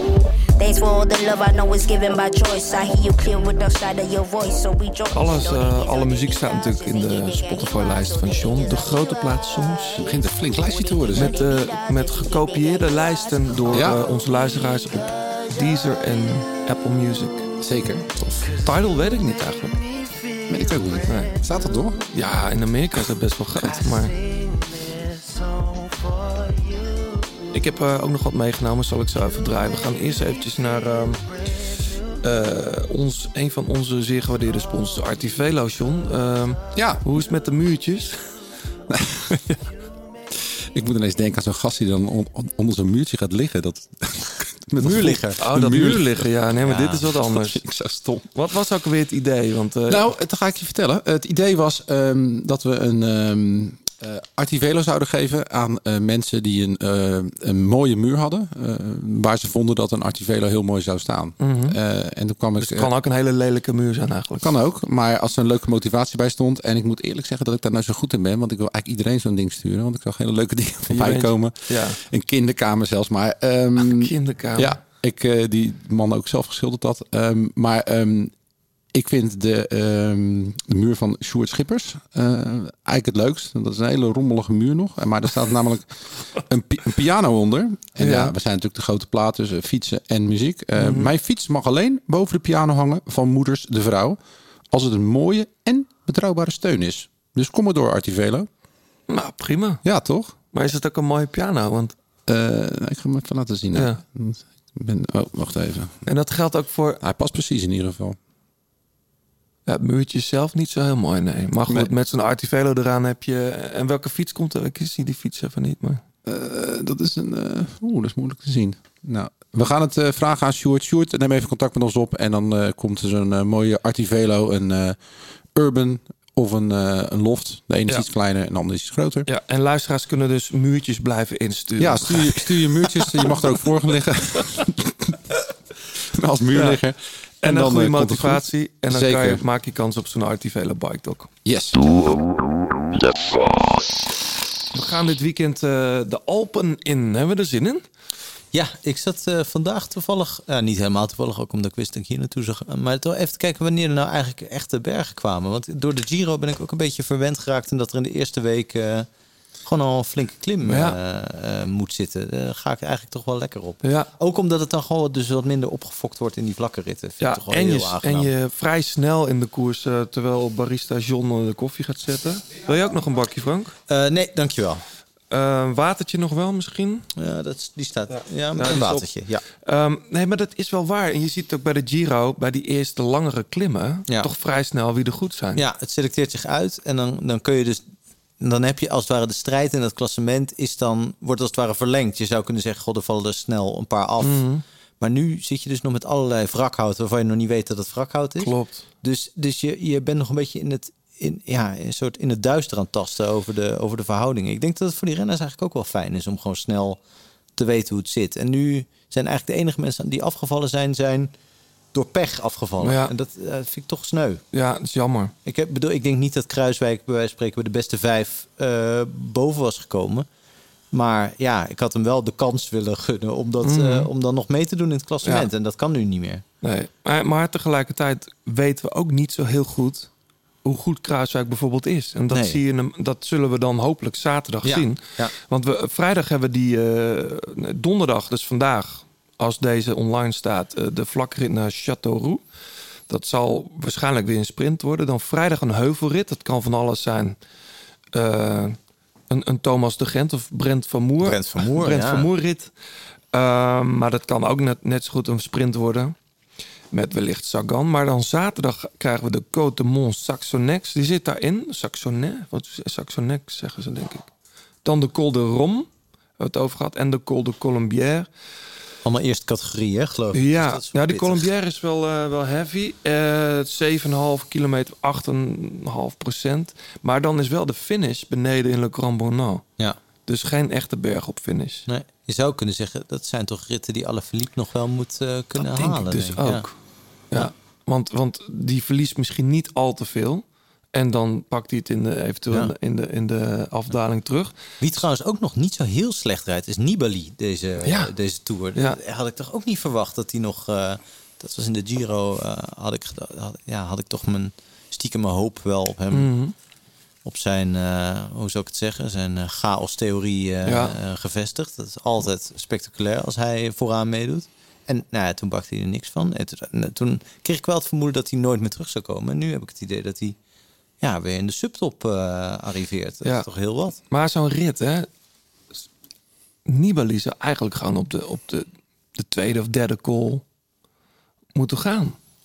Ja, als er echte mannen, de, de jongens... die- Ja, dat haalt hij niet. Dus misschien dat hij gewoon al eerder... eh, dat hij echt al met zo'n grote groep... Als er zo'n grote groep weggaat, dan lijkt dat me wel Nibali-materiaal. ja. Zeker ook omdat eh, Mollema gewoon kopman lijkt eh, daar. Ja. Ja. klassement voorlopig. Ja. Ja, ik ben benieuwd. Ik, ik, eerlijk gezegd vind ik het Alpenweekend op papier een beetje tegenvallen. En dat komt, ja, het is gewoon niet zwaar genoeg om meteen het verschil te maken. Want eh, zondag gaan we naar Tinje. Eh, dan, dan zit dus die Col du Pré in die jij op de tax hebt gedaan, eh, John. Die gaat over in die Cormet de Rosseland. Wat dus een hele nare afdaling is. Ik heb hem zelf ook een keer gedaan. Dan kom je volgens mij boek Samaries uit. Volgens mij is, is, is, is dat niet dat bekende beeld van eh, Johan Bruineel? in zijn Rabo-shirt, die eh, echt in het ravijn eh is daar, ja. stort. Ja. Ehm, dan vanuit Boerik Samaries rij je naar Tinje. En ik begrijp wel waarom je die niet kan vinden, misschien in de taxsoftware. Want eigenlijk is dat het begin van de Iseran. Alleen wat ze doen, halverwege slaan ze af naar Tinje. Maar dat is 21,6 kilometer, mm, 5,5% gemiddeld. Daar schakelen ze gewoon niet naar het binnenblad. Dus ja, ook weer goed voor alle Philippe, zou Ja, je zeggen. ja. Dat is wel finish bergop. Het is natuurlijk wel zo dat bij die echt zware bergritten... dat dat vaak een beetje verlamt voor het eh, wedstrijdverloop. Hè? Je kan ook zeggen Ja. van dat veel mensen denken... dat ze hier een kans eh, gaan hebben. Ja, Dus, dus er is wat voor te zeggen om dat soort ritten niet al te zwaar te maken. Nee, toch vond ik die Col de la Loze van vorig jaar... Dat was wel dat was spectaculair. wel heel mooi. Zoiets zit er niet in. Ja. Ja, aan het einde, zo'n man tegen man, nog even een soort showdown tussen de, tussen de beste acht of Ja. zo. Ja. Ja. Waar, waar ga jij eh, voor thuis blijven? Of je gaat ze allebei kijken, John? Nou, ik blijf sowieso eh, al, ja, ik blijf eigenlijk altijd thuis voor ja. dat, is, dat is een inkoppertje dit. Goed, ehm, we gaan heel even naar de tip van Kenny, eh, jongens. De Ja. Shimano-tip van Kenny van Hummel. Kom er maar in, Kenny. Je luistert nog steeds naar De Grote Plaat. Alle afleveringen zijn terug te vinden op je favoriete podcastplatform en op degroteplaat.nl. Ja, daar zijn we weer. Kenny van Hummel in het Shimano Service Center. We krijgen een tip, zoals je van ons gewend bent elke week. Ehm, Kenny, waar gaan we het over hebben? Eh, vervang tijdig je banden. Dat is een beetje stoffig onderwerp. eh, eh, Ja. Maar het kan toch wel heel interessant zijn. Want hè, eh, rij je met. eh, je, je kan geen aquaplanning krijgen met, eh, met, eh, met, je, met je fiets. Maar ja, eh, je kan wel heel snel lek rijden met versleten banden. Ja, Eh, maar ook eh, de dikte van de, van de band. Eh, ja ik rij je- met 28 eh, tegenwoordig. Ja, Ja. ik ook. Jij ook? Ja. Mijn broer is zelfs met 32. Ja. Ja, en waar we vroeger mee? Eh, 23, 21. Ja. echt, dat is niet normaal. Dus, dus eh, op dat gebied met banden is er wel heel erg veel veranderd. Eh, ook qua wat, wat voor eh, wegen ga je fietsen. ja. Ga je bijvoorbeeld eh, in Vlaanderen fietsen, dan, dan, eh, dan kun je ook nog wel eens een kasseitje tegenkomen. Dus dan, ja, om een iets bredere band dan eh, te monteren op je, op je velg, eh, ja, geeft je wel wat meer Maar comfort. het maakt dus blijkbaar qua snelheid niet uit, hè? Eh, nee, dat zeggen ze. En nou ja, John en ik die komen uit een iets andere generatie. Ja. En eh, ja, wij hebben vroeger altijd geleerd hoe smaller de band, hoe minder eh, Ja. rolweerstand. 10 bar erin. Nou, nee, een beetje overdreven. Ja, keihard op pompen, 8,5 eh, Ja. an- 8,5 eh, bar erin. Maar tegenwoordig zegt iedereen dat dat eh, onzin is. Dat eh bredere banden dat dat niet meer rolweerstand geeft. Gek is dat, ja. Dus Ja. Ja, ik vind het wel. Ik had laatst... ehm, dat, dat heb je natuurlijk wel eens. Je achterband en je voorband slijten op een andere manier. mhm. Dus ik draai ze heel vaak halverwege het seizoen of halverwege Een keer om. een keer om. Ja. Ja. Maar, Heeft ja. ook met remmen te maken en aanzetten. Eh, ja. Ik hoop niet dat je slipt. Nee, nee, nee. Af en toe moet het. Af en toe moet het. Eh, Maar liever niet natuurlijk. Nee, maar banden is wel eh, ja, cruciaal als je wat, wat, wat, wat, wat minder goede wegen eh, pakt dan normaal. eh, geeft het je toch wel wat meer comfort. Ja, en ik las laatst een verhaal en toen dacht ik, oh, dat is best wel grappig. Dat eh, mensen kopen, eh, besteden zoveel geld aan fietsen, aan frames en, en moet, moet allemaal nog stijver en lichter zijn. Ehm, Maar ze vergeten dat als je niet op goede banden rijdt, dat die fiets nauwelijks, nauwelijks lekker rijdt. Ja, dat klopt helemaal. Als jij, eh, je kan een hele dure fiets kopen met hele mooie carbonwielen erin. Maar als je echt slechte banden erop hebt, eh, hebt gemonteerd, dan, ja, heb je, dan kun je echt een heel vervelend gevoel op je fiets ja, hebben. Jij zei het laatst, eh, John. Ja. Dat, op die fans van jou, dat je daar nieuwe banden op had. Ja, nou ja, om een beetje op, op, op Kenny eh, om het aan te vullen. Ehm, ik, ik heb het aan mijn, eh, een, een van de mannen van mij, bij mijn eh, wielerzaak gevraagd. Bij Verschijndel in uh, Schravenzande. En die, die legde het uit. Die zei, als je in een, eh, in een autoband vier atmosfeer zou pompen... dan kun je hem gewoon niet op de weg houden. En dat in, met een wielrenfiets is eigenlijk hetzelfde. Want elke keer als je over een bobbeltje rijdt... dan doet die fiets iets, die springt Mhm. iets omhoog. Dus dan verlies je eigenlijk wat, wattage. Mhm. Dus als je wat minder druk in je banden hebt en ze zijn breder... uiteindelijk is dat gewoon heb je minder rolweerstand. Je moet hem gewoon op de weg houden. Die moet hem op de weg houden. Ja. Banden beïnvloeden echt je rijgedrag Ja. eh, van je fiets. Ja, Nou, bedankt Kenny. ja graag gedaan. Eh, volgende week kom je nog een keer, een keer, een Yes. keer langs. Ehm, Laatste keer. laatste keer.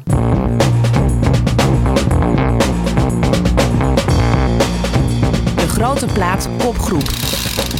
London gangs is a fight for life. No one's doing right. It's a bigger price.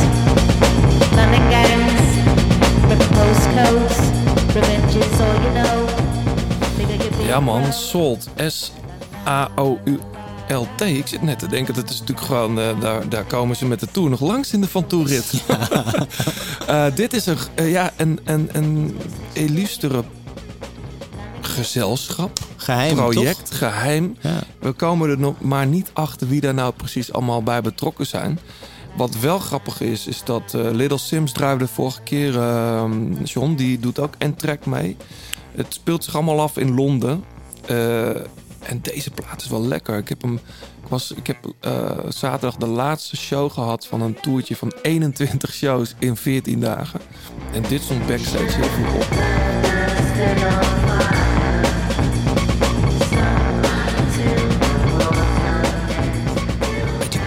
Krautrockerig, beetje Ja. can. Maar het verschilt heel erg per nummer, toch? Ze hebben, Ja. Het gaat van het ene genre naar het andere. Klopt. En dit is wel iets van de vijfde plaat in drie jaar of zo? Klopt. Nee, de derde toch? De, ja, maar de, even kijken, deze plaat heet Nine.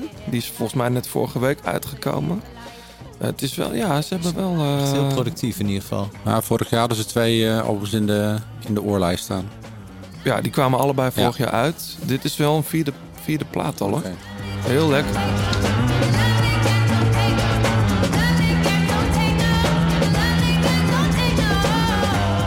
Maar speaking of, Johannes, hoe was het om weer te spelen?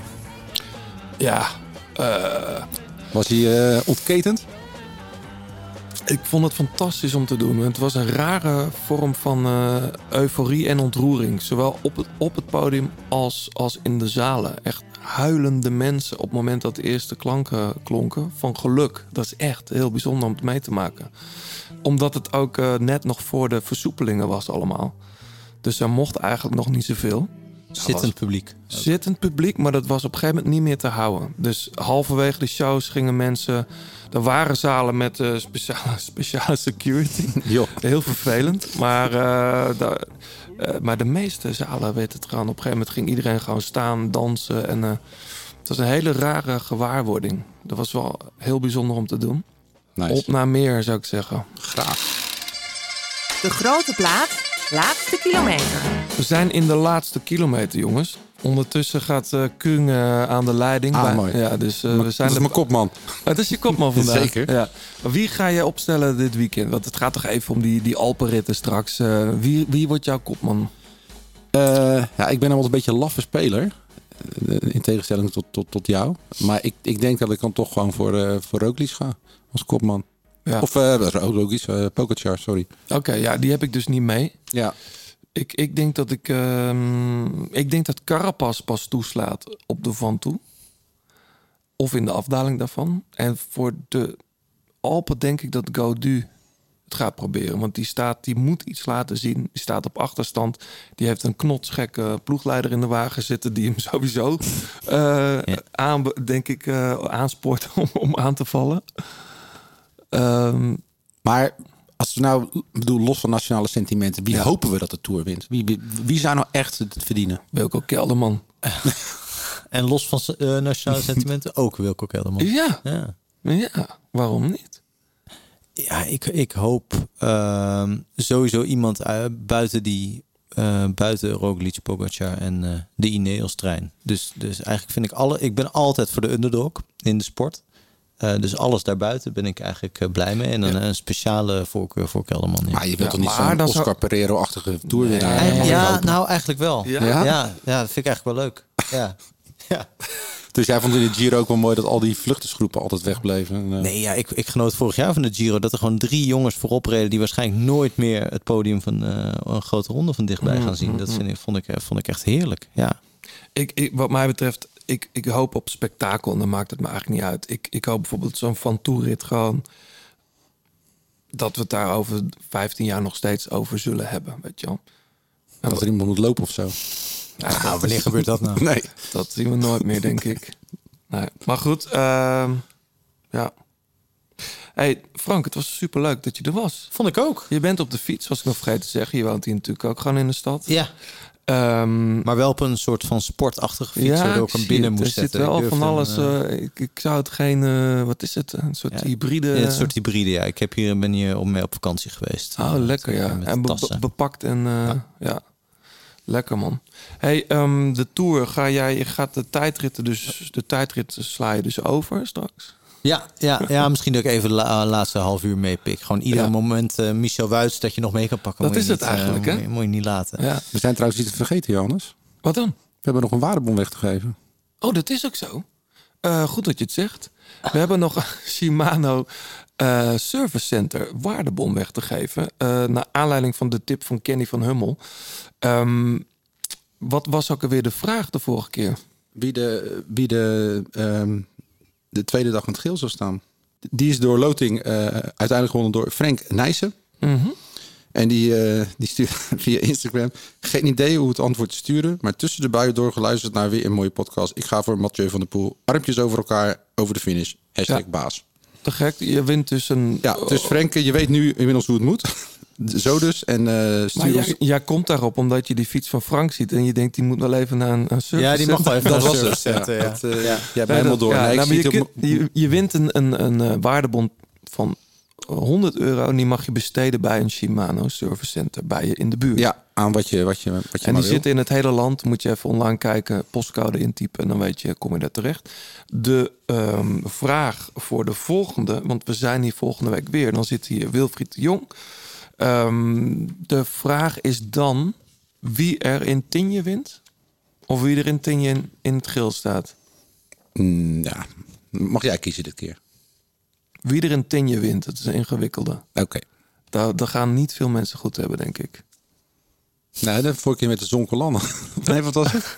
De Giro. Ah, dan wil ik ook van jullie even horen wie er in Tinje wint. Op Tinje. Is het in Tinje of op Tinje? In Ti- Tienje is toch een dorp? Tinje is het dorp, ja. Ja. Eh, Skidorp. Daar wint ehm Mollema. Goeie, mooie. Ja, ik ga kijken. John, wie wint er? Ja, ik moet nou gewoon wat zeggen. Ik heb geen idee. Eh, Heb geen idee? ja, Vandaar dit, dat is- je- dit is gewoon... eh, wat- hoe, groot is nou de kans dat de naam die ik noem... dat die daar ook gaat winnen? Dat vragen we ook aan onze luisteraars. Ja, daarom. ik kan ook, nog nog het- doe ik ook mee voor, de, voor het service center. Eh, nou, dan zeg ik Gaudu. Want jij bent zo lyrisch. Oh, ja, ja. jongen. Dat, eh, Oké. Nou, dan, ik ga dan wel een andere naam noemen. Dan noem ik Steven Kruiswijk. Ja. Die had, daar, die had al eens een keer eerder willen, willen winnen in Tinje. Maar toen eh, mocht hij niet naar boven. Ja. Weet je nog, met die modderstroom? Ja. Goed jongens, ehm, we gaan nog wat mensen bedanken. Ja, en eh, voordat we mensen gaan bedanken, wil ik ook nog even iemand een, iemand een hart onder de riem steken. Eh. Door eh, een vriend van onze show, Koen de Kort. Eh, vreselijk, ja. vreselijk ongeluk gehad. Eh eh, dus Willem, namens jullie denk ik ook een hoop, ook namens alle luisteraars, gewoon heel veel wetenschap en sterkte wensen. Ja. Zeker Koen. Dus eh, hou je taai, jongen. En, verder willen we eh, Fleur Wallenburg natuurlijk bedanken voor het uitlenen van haar prachtige stem. Die al 50 keer zo mooi onze, onze lieder inspreekt. 36 Cycling voor de fietskleding die je kunt winnen. Eh Pankra voor het logo van de grote plaat. En eh, jullie natuurlijk. Allemaal bedankt voor het luisteren. En laat even een reactie achter op eh, Apple Podcasts of Twitter, de Grote Plaat. En wie weet hou je volgende keer de podcast. Hartstikke goed. En vergeet niet even mensen dat verhaal van Frank in de muur te lezen over Pogacar. Er staan trouwens nog heel veel andere mooie verhalen in. Onder andere over de Van Toe. En, en ik las een heel mooi verhaal over Thierry Claverola. Ja, Daar was oh ik ja, vroeger van Erik fan. Brouwer. Daar was ik vroeger fan van. Koop dat blad. blad. Koop dat blad. Ehm, Tot de volgende keer. Jij bedankt. Eh, heb je nog een flesje meegenomen Zeker. voor eh, meneer Heijnen? Hij viel al een keer om. hè. Oh, dat dat was wat ik hoorde. Ja, ja, ritselde nogal. Dus eh, Ah, dankjewel John. laten we hem smaken, jongen. Yes, merci. Tot de volgende. Tijdens deze 50ste editie van de Grote Plaat won Pogacar op verbluffende wijze de tijdrit in de Tour. Heel veel meer daarover natuurlijk volgende week. En dan is Wilfried de Jong hier te gast.